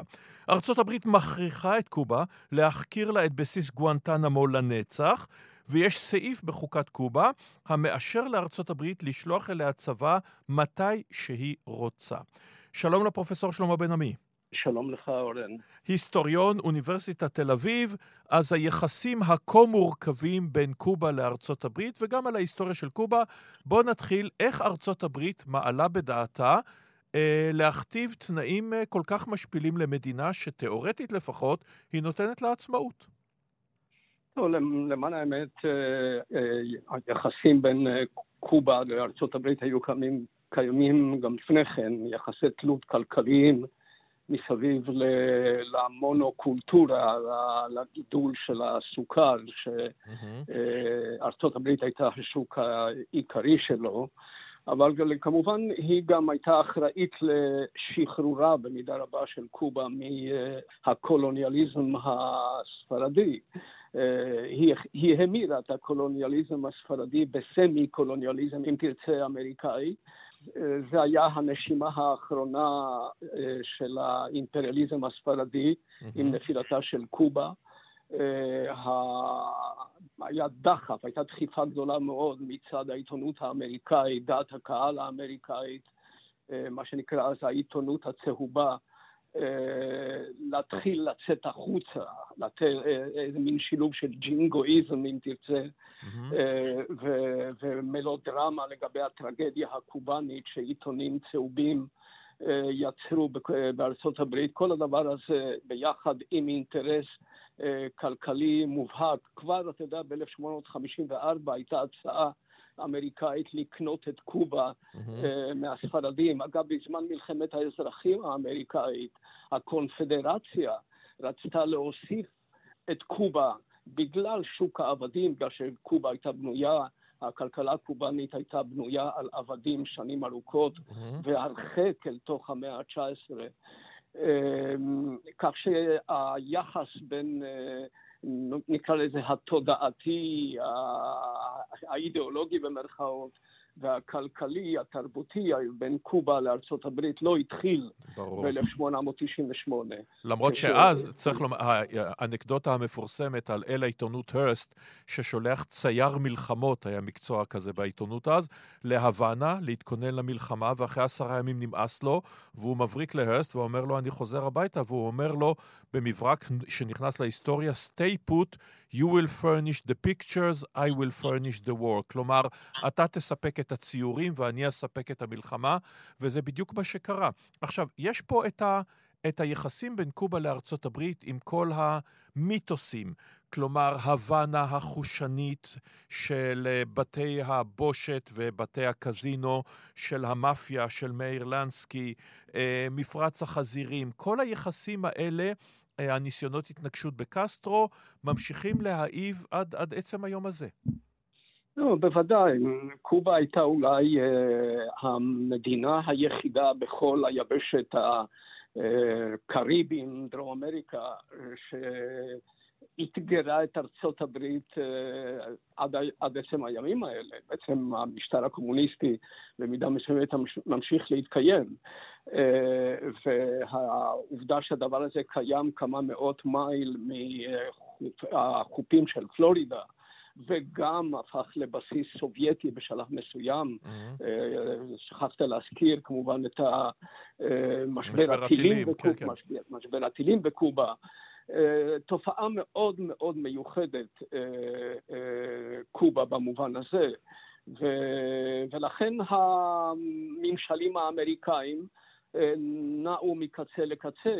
בדרך כלל במדיניות שהשתנתה מנשיאים רפובליקנים לנשיאים דמוקרטיים, לא בכדי אובמה היה הנשיא האמריקאי הראשון שביקר ביקור רשמי בקובה ופתח שגרירות, והנשיא לשעבר הראשון שביקר בקובה היה קרטר, גם כן נשיא דמוקרטי, ואילו הרפובליקנים הלכו בכיוון אחר. כן. אגב, רוזוולט, היה זה שב-1934 ביטל את הסעיף הזה בחוקה הקובאנית שהזכרת, שנקרא The Platt Amendment, השינוי בחוקה של, על שם הסנאטור פלאט, שקבע את זכות ההתערבות של ארה"ב בעניינים הפנימיים של קובה. כן. מי שביטל את זה זה היה נשיא דמוקרטי. כן. ונשיא דמוקרטי אחר, ג'ון קנדי, אמנם צעיר ונוח להשפעה, יהיה זה שישלח כוחות צבא למפרץ החזירים. אבל עוד לפני מפרץ החזירים, אה, יש את אותם יחסים שהיו לארצות הברית עם קובה, והאמת עם מדינות רבות אחרות באמריקה הלטינית ולא רק בה. כלומר, פולחנסיו בטיסטה, הקובאני, הוא המקביל לסומוזה וסטרוסנר וטרוחיו, שלל אנשי צבא, דיקטטורים, רודנים איומים, רוצחים, שבגלל שהיו אנטי-קומוניסטים, ארצות הברית קוראת להם דמוקרטים, כשהם כמובן לא, הם ההפך המוחלט. לא, ברור לגמרי, לארצות הברית היסטוריה ארוכה של אה, מעורבות בהפלת משטרים דמוקרטיים ו... ותמיכה אה, בדיקטטורות. אגב, לפני אה, מפרץ החזירים, ב-1961 הייתה פלישה של טרוחיו, שהיה דיקטטור אה, שפעל כביכול בשמה של ארה"ב, והיה גם ניסיון של אייזנהאואר ב-1959 של אה, ארגון אה, גולים קובאנים לפלישה לקובה. כך שזה לא נדיר, ארה"ב התייחסה לדרום אמריקה ולקריבים כחצר האחורית שלה. אה, והיא אה, הייתה פעילה בהפלתו של איינדה, אה, היא הייתה קשורה בדיקטטורה ברפובליקה הדומיניקנית שנים ארוכות. בכולן, כולל גם החונטה בארגנטינה, נכון, בצ'ילה, נכון. בברזיל. אני רוצה לשאול אותך לגבי קובה של היום. אחרי עידן האחים קסטרו, עד כמה האחים קסטרו, עד כמה צ'ה גווארה, הפנים שמכרו מיליארד חולצות טריקו. עד, האם הם חלק מהפנתיאון שככה עוברים לידו ומנידים ראש, או שזה עדיין פועם בהוויה הקובאנית? אני חושב שזה עדיין חלק מן ההוויה הקובאנית. התפלאתי שבמוזיקת הרקע שנתתם לא, לא נתתם את גואנטנמרה, שזה okay. כן. למעשה שיר של חוזה מרטיבי. Mm-hmm. לוחם החירות. כן, הגיבור הלאומי במידה רבה עוד לפני, עוד לפני קסטרו. אמ, אני חושב שהאתוס המהפכני הזה עדיין קיים, וה, והדמות של, של האחים קסטרו וה, והמיתוס של, של, של צ'ה גווארה, וברור שהוא קיים כמעטפת חיצונית, אם תרצה, אה, כי אם אה, המוני הקובנים אה, שנמצאים תחת שלטון כלכלי כושל של המפלגה הקומוניסטית עד עצם היום הזה, היו מקבלים בחירה חופשית, ייתכן מאוד שמאות אלפים מהם היו לוקחים את הסירה הקרובה ביותר בנמל סנטיאגו ויוצאים, ל... ויוצאים למיאמי. אבל כמעטפת של איזשהו אתוס אמ, אה, רשמי, מלכד, אני חושב שהדמויות האלה עדיין בעלות משמעות, אף על פי שהמדינה נפתחה, ומדינות כמו קנדה, קנדה אף פעם לא השתתפה אה, בסנקציות, בסנקציות נגד, נגד קובה. אה, עוצמתן של הסנקציות דוללה ללא הכר, וקובה בעצם פתוחה לביזנס. בינלאומי, אה, פחות, אה, אם תרצה, להגירה החופשית שהיא הייתה שואפת לה, אם כי היו אה, נשיאים שהגיעו להסכמים, נשיאים אמריקאים שהגיעו להסכמים עם קובה באשר לחילופי נסיעות וחילופי מהגרים וכיוצא בזה. אני חושב שהיא יותר פתוחה היום פעם, אבל זאת מין מעטפת לאומית, לאומנית, אם תרצה, שמאתגרת את את הקולושוס הזה, את הענק הזה שמצפון עדיין uh, קיים ופועם, אני חושב, בלב הקולקטיבי של, uh, של המשטר הקובאני. והאמת, לא רק שם, אלא כמובן כל uh, ארצות אמריקה הלטינית, ממקסיקו ודרומה, כולן חיות את היחסים הדואליים האלה. עם ארצות הברית, יחסי האהבה-שנאה. תודה רבה לך על הדברים האלה, כן. הפרופסור שלמה בן עמי. תודה, אורן.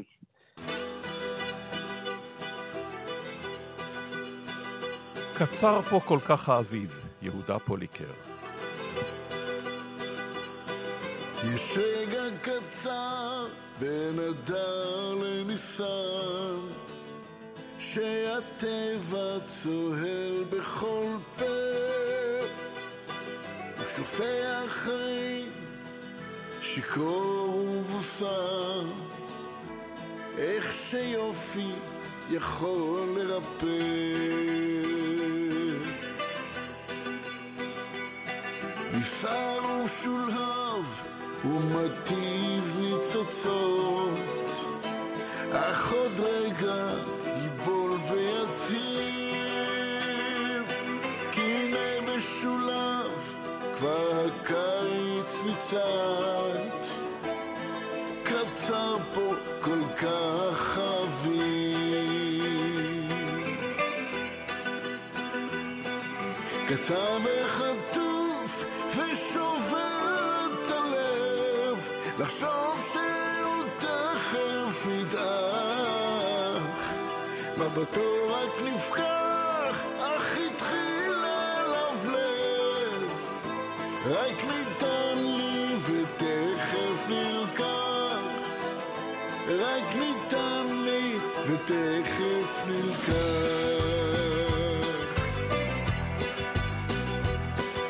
אביב מול ימים וסוער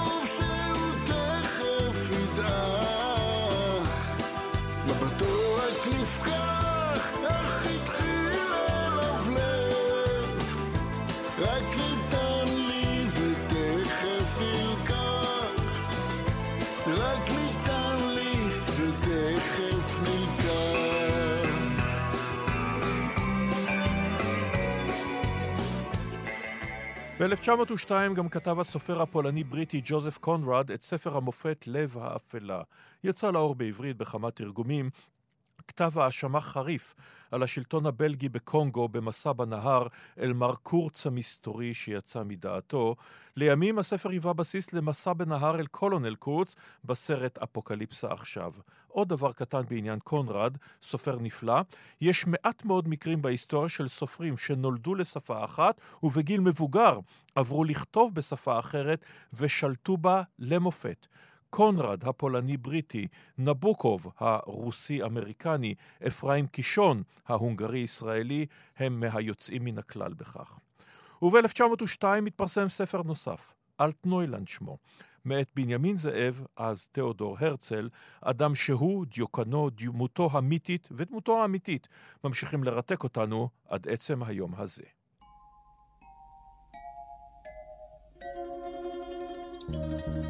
תשטוף את העפר מן העיניים, בנימין זאב. תשטוף את העפר מן העיניים, שים יד על הלב, ותגיד לי, ככה ראית, ככה חזית, ככה רצית. אני לוקח שטר של מאה, מביט על התמונה, אני מביט היטב עליך.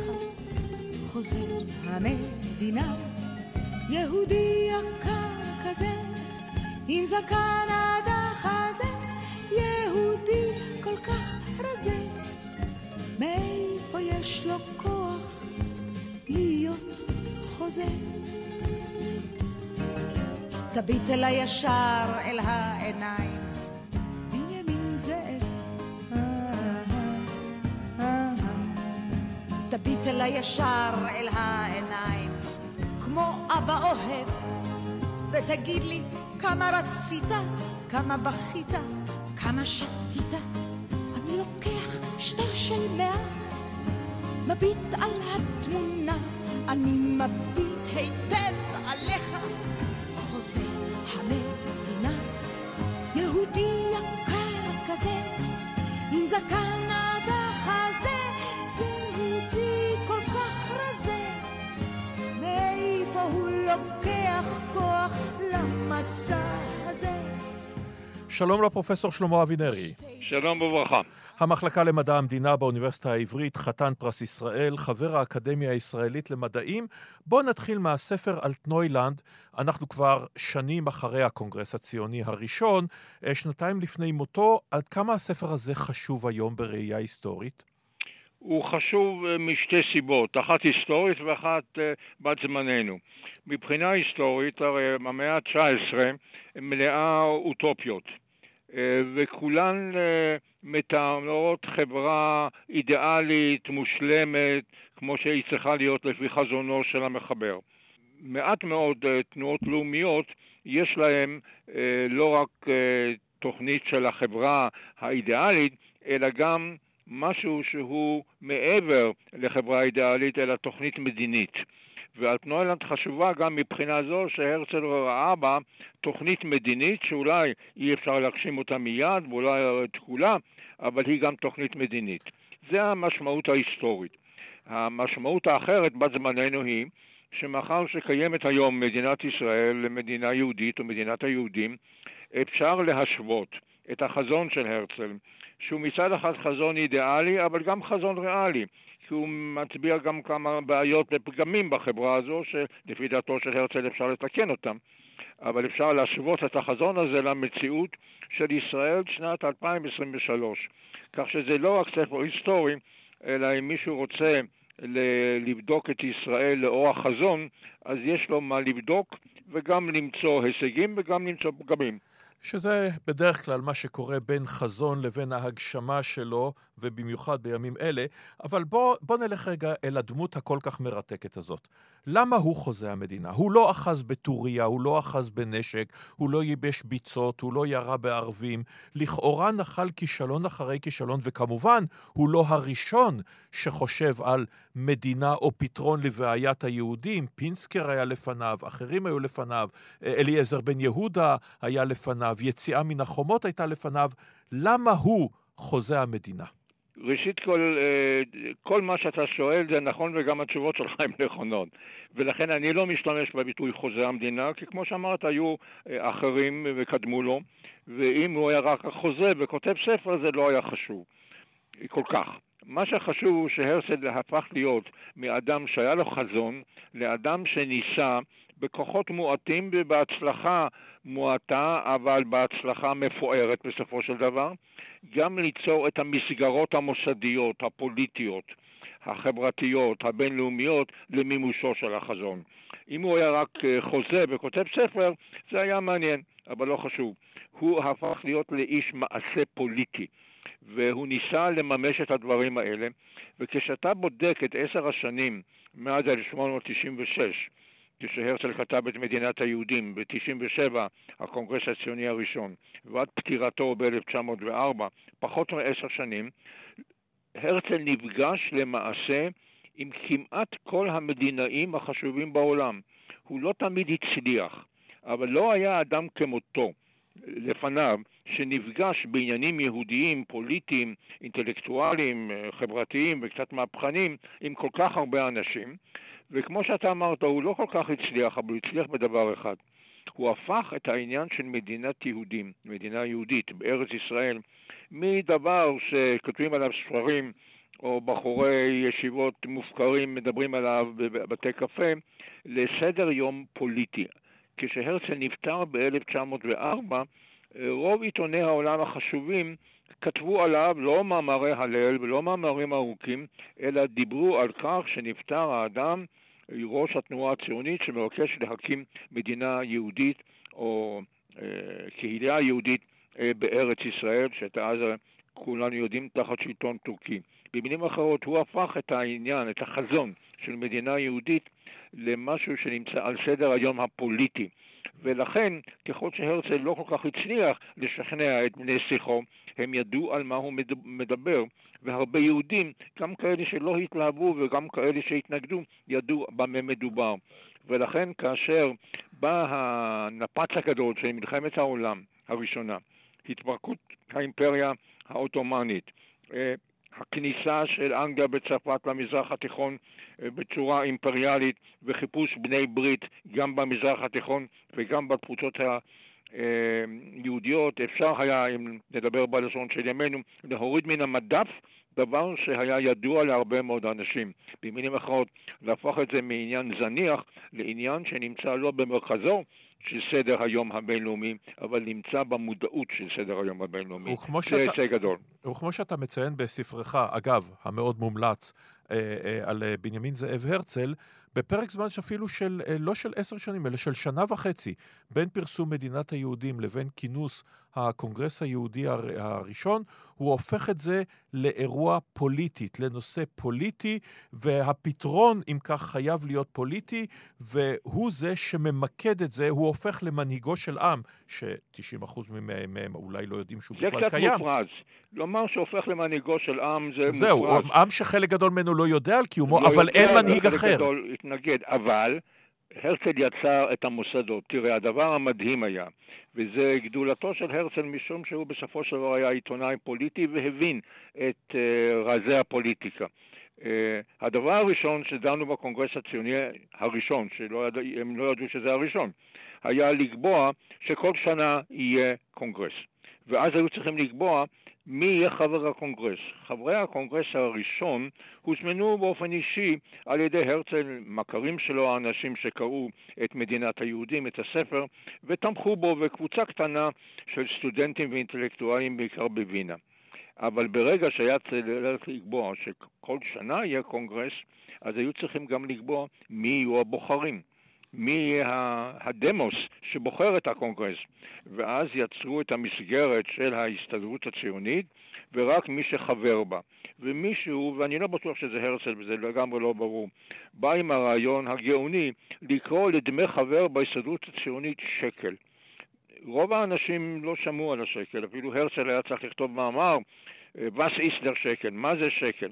אבל כשאתה מסביר ששקל זה המטבע או חצי השקל שאבותינו היו שולחים מתחוצות הגולה לירושלים ולעיר הקודש, שזה יוצר את הקשר בין התפוצה לבין ארץ ישראל, שממוקד בנושא של ארץ ישראל, פתאום השקל הוא לא רק דמי חבר, אתה יכול להיות חבר בכל מיני אגודות, אלא זוהי הזדהות עמוקה מאוד עם היסטוריה, עם היסטוריה ממלכתית אם אתה רוצה, עם היסטוריה גיאוגרפית עם ארץ ישראל, והפכו את השקל למושג, דבר שאיש לא ידע שהייתה, שהיה מטבע בשם שקל בתקופה של הבית השני, שזה גם המטבע שלנו היום. ונקודה שאתה מעלה אותה, והיא חשובה מאוד, אנחנו מסתכלים על הדמות הזאת עם, ה, עם הזקן האבות והעיניים החודרות, אבל זה לא איזה נביא פרוע מבט וזקן, אלא אדם שנתן את דעתו עד לרמת העברת קרנות הפנסיה לארץ החדשה-ישנה, איך הדברים האלה התבצעו. הוא הרבה יותר איש מעשה מאיש חזון. נכון, ולכן הביטוי חוזה המדינה עושה עוול להרצל. אה, כמו שאמרת, כמו שגם אתה אמרת, הוא לא הראשון, אבל הוא יצר את המוסדות. ולכן, אה, אילולא המוסדות אפשר לשער שאם הרצל היה נפטר, כמו שנפטר ב-1914, והיה ידוע כמי שכתב אולי את אלטנוילנד או מדינת היהודים, אבל לא היו המוסדות, התנועה הציונית הייתה אולי מתמסמסת, היא לא הייתה חזקה במיוחד עד למלחמת העולם הראשונה. אבל ברגע שיש מוסדות, ואפשר היה לראות את זה גם בלוויה של הרצל, אה, אנשים שהיו נוכחים בלוויה ודיווחו על כך, אמרו על כך, שבווינה לא הייתה לוויה כזו מעולם, או אולי מאז נפטר אה, קיסר קודם, שזה היה חצי מאה אה, קודם לכן, ובאו אנשים יהודים, בעיקר כמובן, לא רק מווינה, אלא מכל תפוצות הגולה. כלומר, זה הפך למאורע שבעצמו קידם את המודעות למשמעות, מה זה תנועה ציונית, מה משמעותו של הרצל. יצירת מוסדות ומוסדות נבחרים, וזה הדבר החשוב. ברגע שיש חברים בהסתדרות הציונית, יש גם התמודדות, משום שיש כבר בקונגרס השני והשלישי בכמה מקומות שבהם היו מספר מספיק של חברים שיכלו לבחור ציר לקונגרס, היו יותר ממועמד אחד. ותוך כמה שנים התברר שיש סיעות מסוימות. יש ציונים אה, תרבותיים, ויש ציונים חילוניים, ויש ציונים דתיים, וברבות הימים יהיו גם ציונים סוציאליסטים מהר מאוד, ולכן המבנה הרב-מפלגתי, הפרלמנטרי, הייצוגי, הוא שקבע, ובין קונגרס לקונגרס נבחר גם ועד פועל, שכל אחד מחבריו היה אחראי על תחום מסוים. זה על תחום גיוס הכספים, זה על תחום uh, uh, הקשרים הדיפלומטיים, בעיקר uh, הרצל, והוא היה צריך לתת דין וחשבון לקונגרס הבא, ואם הדין וחשבון לא היה מספק, uh, היו אנשים ש... הדיחו אותם נגיד, מתפקידם ובחרו אחרים. כלומר, המציאות הייצוגית, הפרלמנטרית, שהיא הייתה התשתית של התנועה הציונית, היא אחת הנחלות החשובות ביותר שהנחילה התנועה הציונית למדינת ישראל. מדינת ישראל ב-1948 לא הייתה צריכה להמציא את המסגרת הייצוגית של כנסת, אה, של קונגרסים נבחרים, של מפלגות. זה דבר שליווה את התנועה הציונית מתחילתה. Mm-hmm. דבר שתנועות לאומיות אחרות לא כל כך הצטיינו בו ביצירת מוסדות, ולכן הן היו הרבה יותר שבריריות. ואם אנחנו מסתכלים על המאבקים הפנימיים שלו, בואו נתחיל מהעם היהודי. אז uh, כמובן ישנם הסוציאליסטים, הקומוניסטים, הבונד, יש את החרדים, שכמובן אסור לעלות בחומה, ויש את אלה, ובמבט באותו זמן זה נראה מאוד הגיוני, שאומרים, מה אתה בא אלינו עם רעיונות העוועים האלה? סוף סוף אנחנו רואים שאנחנו מצליחים להשיג כמה זכויות, מצליחים להשיג אפילו שוויון. יש איזה חבר פרלמנט פה ושם, יש איזה ברון פה ושם, זה אותם אנשים, זה משפחת רוטשילד, ועכשיו יתחילו לחשוד בנו בנאמנות כפולה, מה אתה עושה לנו? הוא די מבודד, גם ברמה האינטלקטואלית. בתחילת הדרך, לדעתי, רק מקס נורדאו תומך בו. רק מקס נורדאו זה לא, זה לא נכון, אבל שהוא מבודד והתנועה הציונית היא תנועת מיעוט אמ, אינטלקטואלית בעיקר, אה, זה נכון, אבל זה, זוהי בדיוק הנקודה. הרצל בתחילת דרכו כעיתונאי יהודי בווינה חשב שיש אפשרות באמת של אינטגרציה בחברה שהופכת להיות יותר ויותר ליברלית. האימפריה האוסטרו-הונגרית הייתה מן הראשונות שנתנו זכויות ממשיות ולא רק פורמליות ליהודים, והיה שגשוג כלכלי וחברתי ותרבותי יהודי עצום בווינה ובבודפסט, שתי הבירות של האימפריה האוסטרו-הונגרית, אבל הרצל גם היה מהראשונים שתפסו שברגע שהאימפריה האוסטרו-הונגרית מתפרקת לתנועות לאומיות, וזה קרה כמובן במלחמת העולם הראשונה, אבל לפני מלחמת העולם הראשונה היא הייתה תמיד במשבר בגלל האתגר של התנועות הלאומיות השונות, פתאום מתברר שהחברה לא רק נפתחת ליהודים, אלא החברות השונות האוסטרית-גרמנית, ההונגרית, הצ'כית, הפולנית, שמבקשות לקבל מדינת לאום משלהם, או אוטונומיה תרבותית, מציבות בפני היהודים אתגרים חדשים של זהות לאומית. לא רק זהות של קיבוץ דתי, שהוא אחד הקיבוצים החי... החיים באימפריה רב-לאומית ורב-דתית כמו האימפריה האוסטרו-הונגרית, אלא השאלה היא האם אתם צ'כים, או פולנים, או הונגרים, או רוסים, או אולי אוקראינים, מי יודע. אה, זה אחד ההישגים הגדולים שנבעה מכך שהתחושות הפוליטיות של הרצל אה, לא היו שותפות לאשליות, אה, אם אפשר לומר כך, או לתקוות הטובות. כאשר נבחר בווינה בשנות ה-90 של המאה ה-19 בבחירות פחות או יותר דמוקרטיות. נשים כמובן לא בחרו, לא כל הגברים האלה להם זכות בחירה, אבל היו בחירות שבהן השתתפו מאות אלפי אה, בוחרים בווינה, ונבחר ראש עירייה אנטישמי, לאומני, אנטי-צ'כי ואנטי-יהודי, עם נימות אה, חזקות מאוד של ניסיון לצמצם את כוחם של היהודים בכלכלה ובתרבות. הרצל הבין שהפתיחה של החברה לבחירות לא בהכרח תביא לבחירות דמוקרטיות. בבחירות דמוקרטיות יכולים לעלות גם מנהיגים ותנועות לא דמוקרטיות. כן. אה, התנועה של דואגר, ראש עיריית וינה, היא לא בדיוק הקדימון להיטלר, אבל היא אומרת שדמוקרטיזציה של זכות הבחירות יכולה לעלות בדרכים דמוקרטיות גם מנהיגים ותנועות לא דמוקרטיות, דבר שהיה קיים בווינה ב-1895-6 הוא מאיים גם היום על כמה, כל מיני מדינות דמוקרטיות שלא נקרא בשמן כרגע. כן, ו- ולימים יאמר היטלר שהוא רואה בקרל לואגר, אותו ראש עיר אה, מיתולוגי, צריך לומר, של וינה לטוב ולרע, אה, אה, איזשהו דמות מופת. עד כמה, אם העלינו את הנושא הזה, עד כמה האנטישמיות, עד כמה פרשת פנמה ופרשת דרייפוס, שתי פרשות המתרחשות בצרפת, ואת פרשת דרייפוס כמובן הרצל בתור כתב חוץ של הנויה פרייה פרסה בפריס מסקר אותה, עד כמה הן משפיעות על חשיבתו? פחות ממה שניתן לחשוב ופחות ממה שאנחנו רואים היום אה, לאחר מעשה.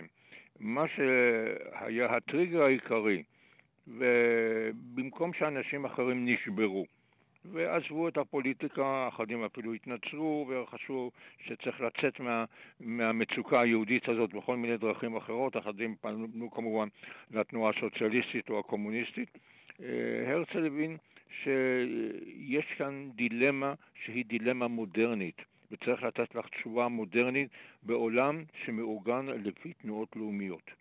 וזהו אחד ההישגים הגדולים ביותר של הרצל, שהוא הבין את המשבר, שרוב היהודים, או חלק גדול מהיהודים, העדיפו לומר לא, הכל בסדר, לאט לאט זה הולך, זה לא הולך.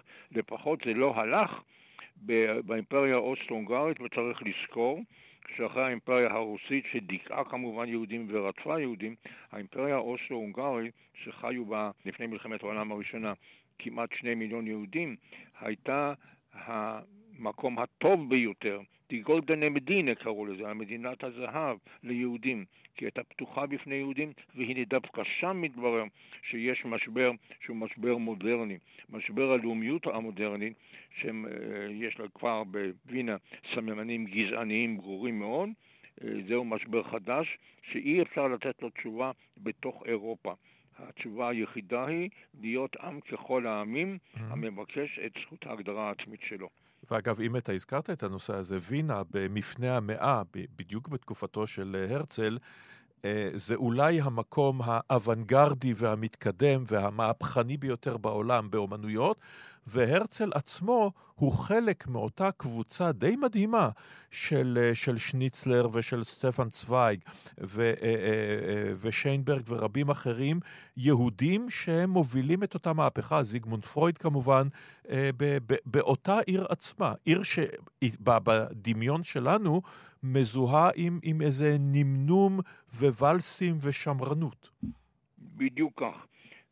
במילים אחרות, הרצל מודע לכך שהציונות היא לא רק המשך של שנאת ישראל שיסודותיה דתיים, אלא הציונות היא ניסיון לתת תשובה מודרנית דווקא למודרנה. דווקא אותם אנשים שכל כך עיצבו את וינה המודרנית, הקוסמופוליטית, האוונגרדיסטית בסוף המאה ה-19, תחילת המאה ה-20, הם אלה שגם יצרו תחושה של זרות כלפי היהודים בחלק מחברת הרוב אה, הלא יהודית. במילים אחרות, הציונות היא לא תשובה לאנטישמיות של אלפיים שנה. אה, יהודים התמודדו עם שנאת ישראל כזאת או אחרת מאות בשנים, אבל איך אתה מתמודד עם חברה שמצד אחד פותחת את שעריה בפניך, ומצד שני שואלת האם אתה באמת שייך לנו?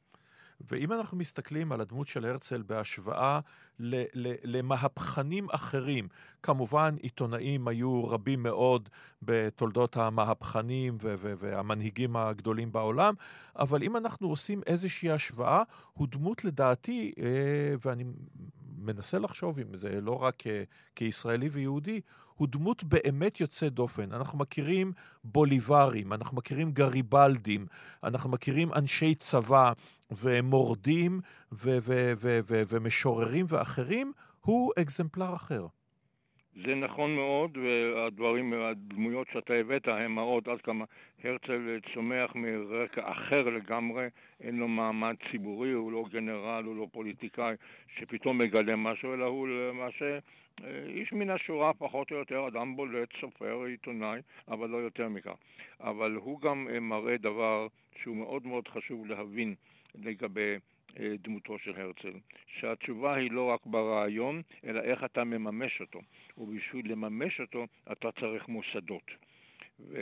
דמוקרטיה בלי מוסדות, בלי בחירות, בלי איזונים, בלי אה, מסגרת רב-גונית של מפלגות, שהרצל לא תכנן אותה, אבל היא בסופו של דבר צמחה מתוך המציאות אה, של הקונגרס, זה דבר מיוחד במינו.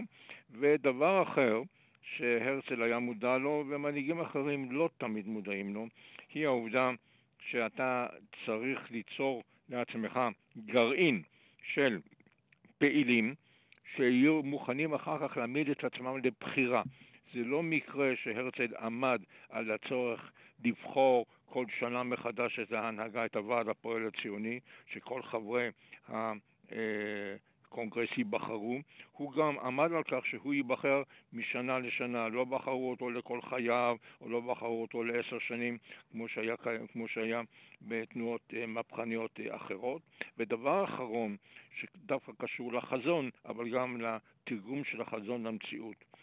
הציונות היא מצד אחד תנועה מהפכנית mm-hmm. מול הדתיות היהודית המסורתית שמחכה למלך המשיח, שהקדוש ברוך הוא אה, יביא לעולם. אבל היא גם מנסה ליצור קשר עם ההיסטוריה. היא ביסודו של דבר תנועה חילונית, mm-hmm. היא תנועה פוליטית, כמו כל התנועות הלאומיות של המאה ה-19, אבל היא מודעת לקשר לארץ ישראל. אה, לאחר כמה סריקות, הרצל מבין את משמעותה של העברית. באלטנוילנד אה, אתה רואה כמה אורח החיים, כולל השבת, mm-hmm. נשמרת לא בצורה כפייתית, אלא היא שונה ממה שלא יהודים אה, שומרים עליו. כלומר, אתה יכול לומר על התנועה הציונית, לפי בית המדרש של הרצל, שהיא תנועה מהפכנית הקשורה. למסורת. תודה לך על הדברים האלה, הפרופסור שלמה אבינרי. תודה לך. Bailey, won't you please come home, sung by Arthur Collins, Columbia Record. ולפני סיום, הנה שיר ממצעד הפזמונים של 1902. כן, היו מצעדי פזמונים גם אז. אולי תשוב הביתה, ביל ביילי, הביצוע, ארתור קולינס. Sun was shining fine. The lady love of old Bill Bailey was a hanging clothes on the line in her backyard and a weeping hard. She married a B&O brakeman that took and throwed her down. Bellering like a prune fed calf with a big gang hanging around and to that crowd She yelled out loud. עד כאן תוכניתנו, מקווים שנהניתם. היא תהיה זמינה גם באתר רשת ב' ובאפליקציה, שנה אחת במאה ה-20, גם זמינה כפודקאסט. עורכת משנה ומפיקה מאיה טלמון עזרזר, על השידור אמיר שמואלי, מיד יומן השבוע עם שלום קיטל, להתראות בשבת הבאה בשמונה בבוקר, כאן אורן נהרי, Yom Tov. What a fine tooth comb. I knows out to blame. Well, ain't that a shame? Bill Daly, won't you please come home?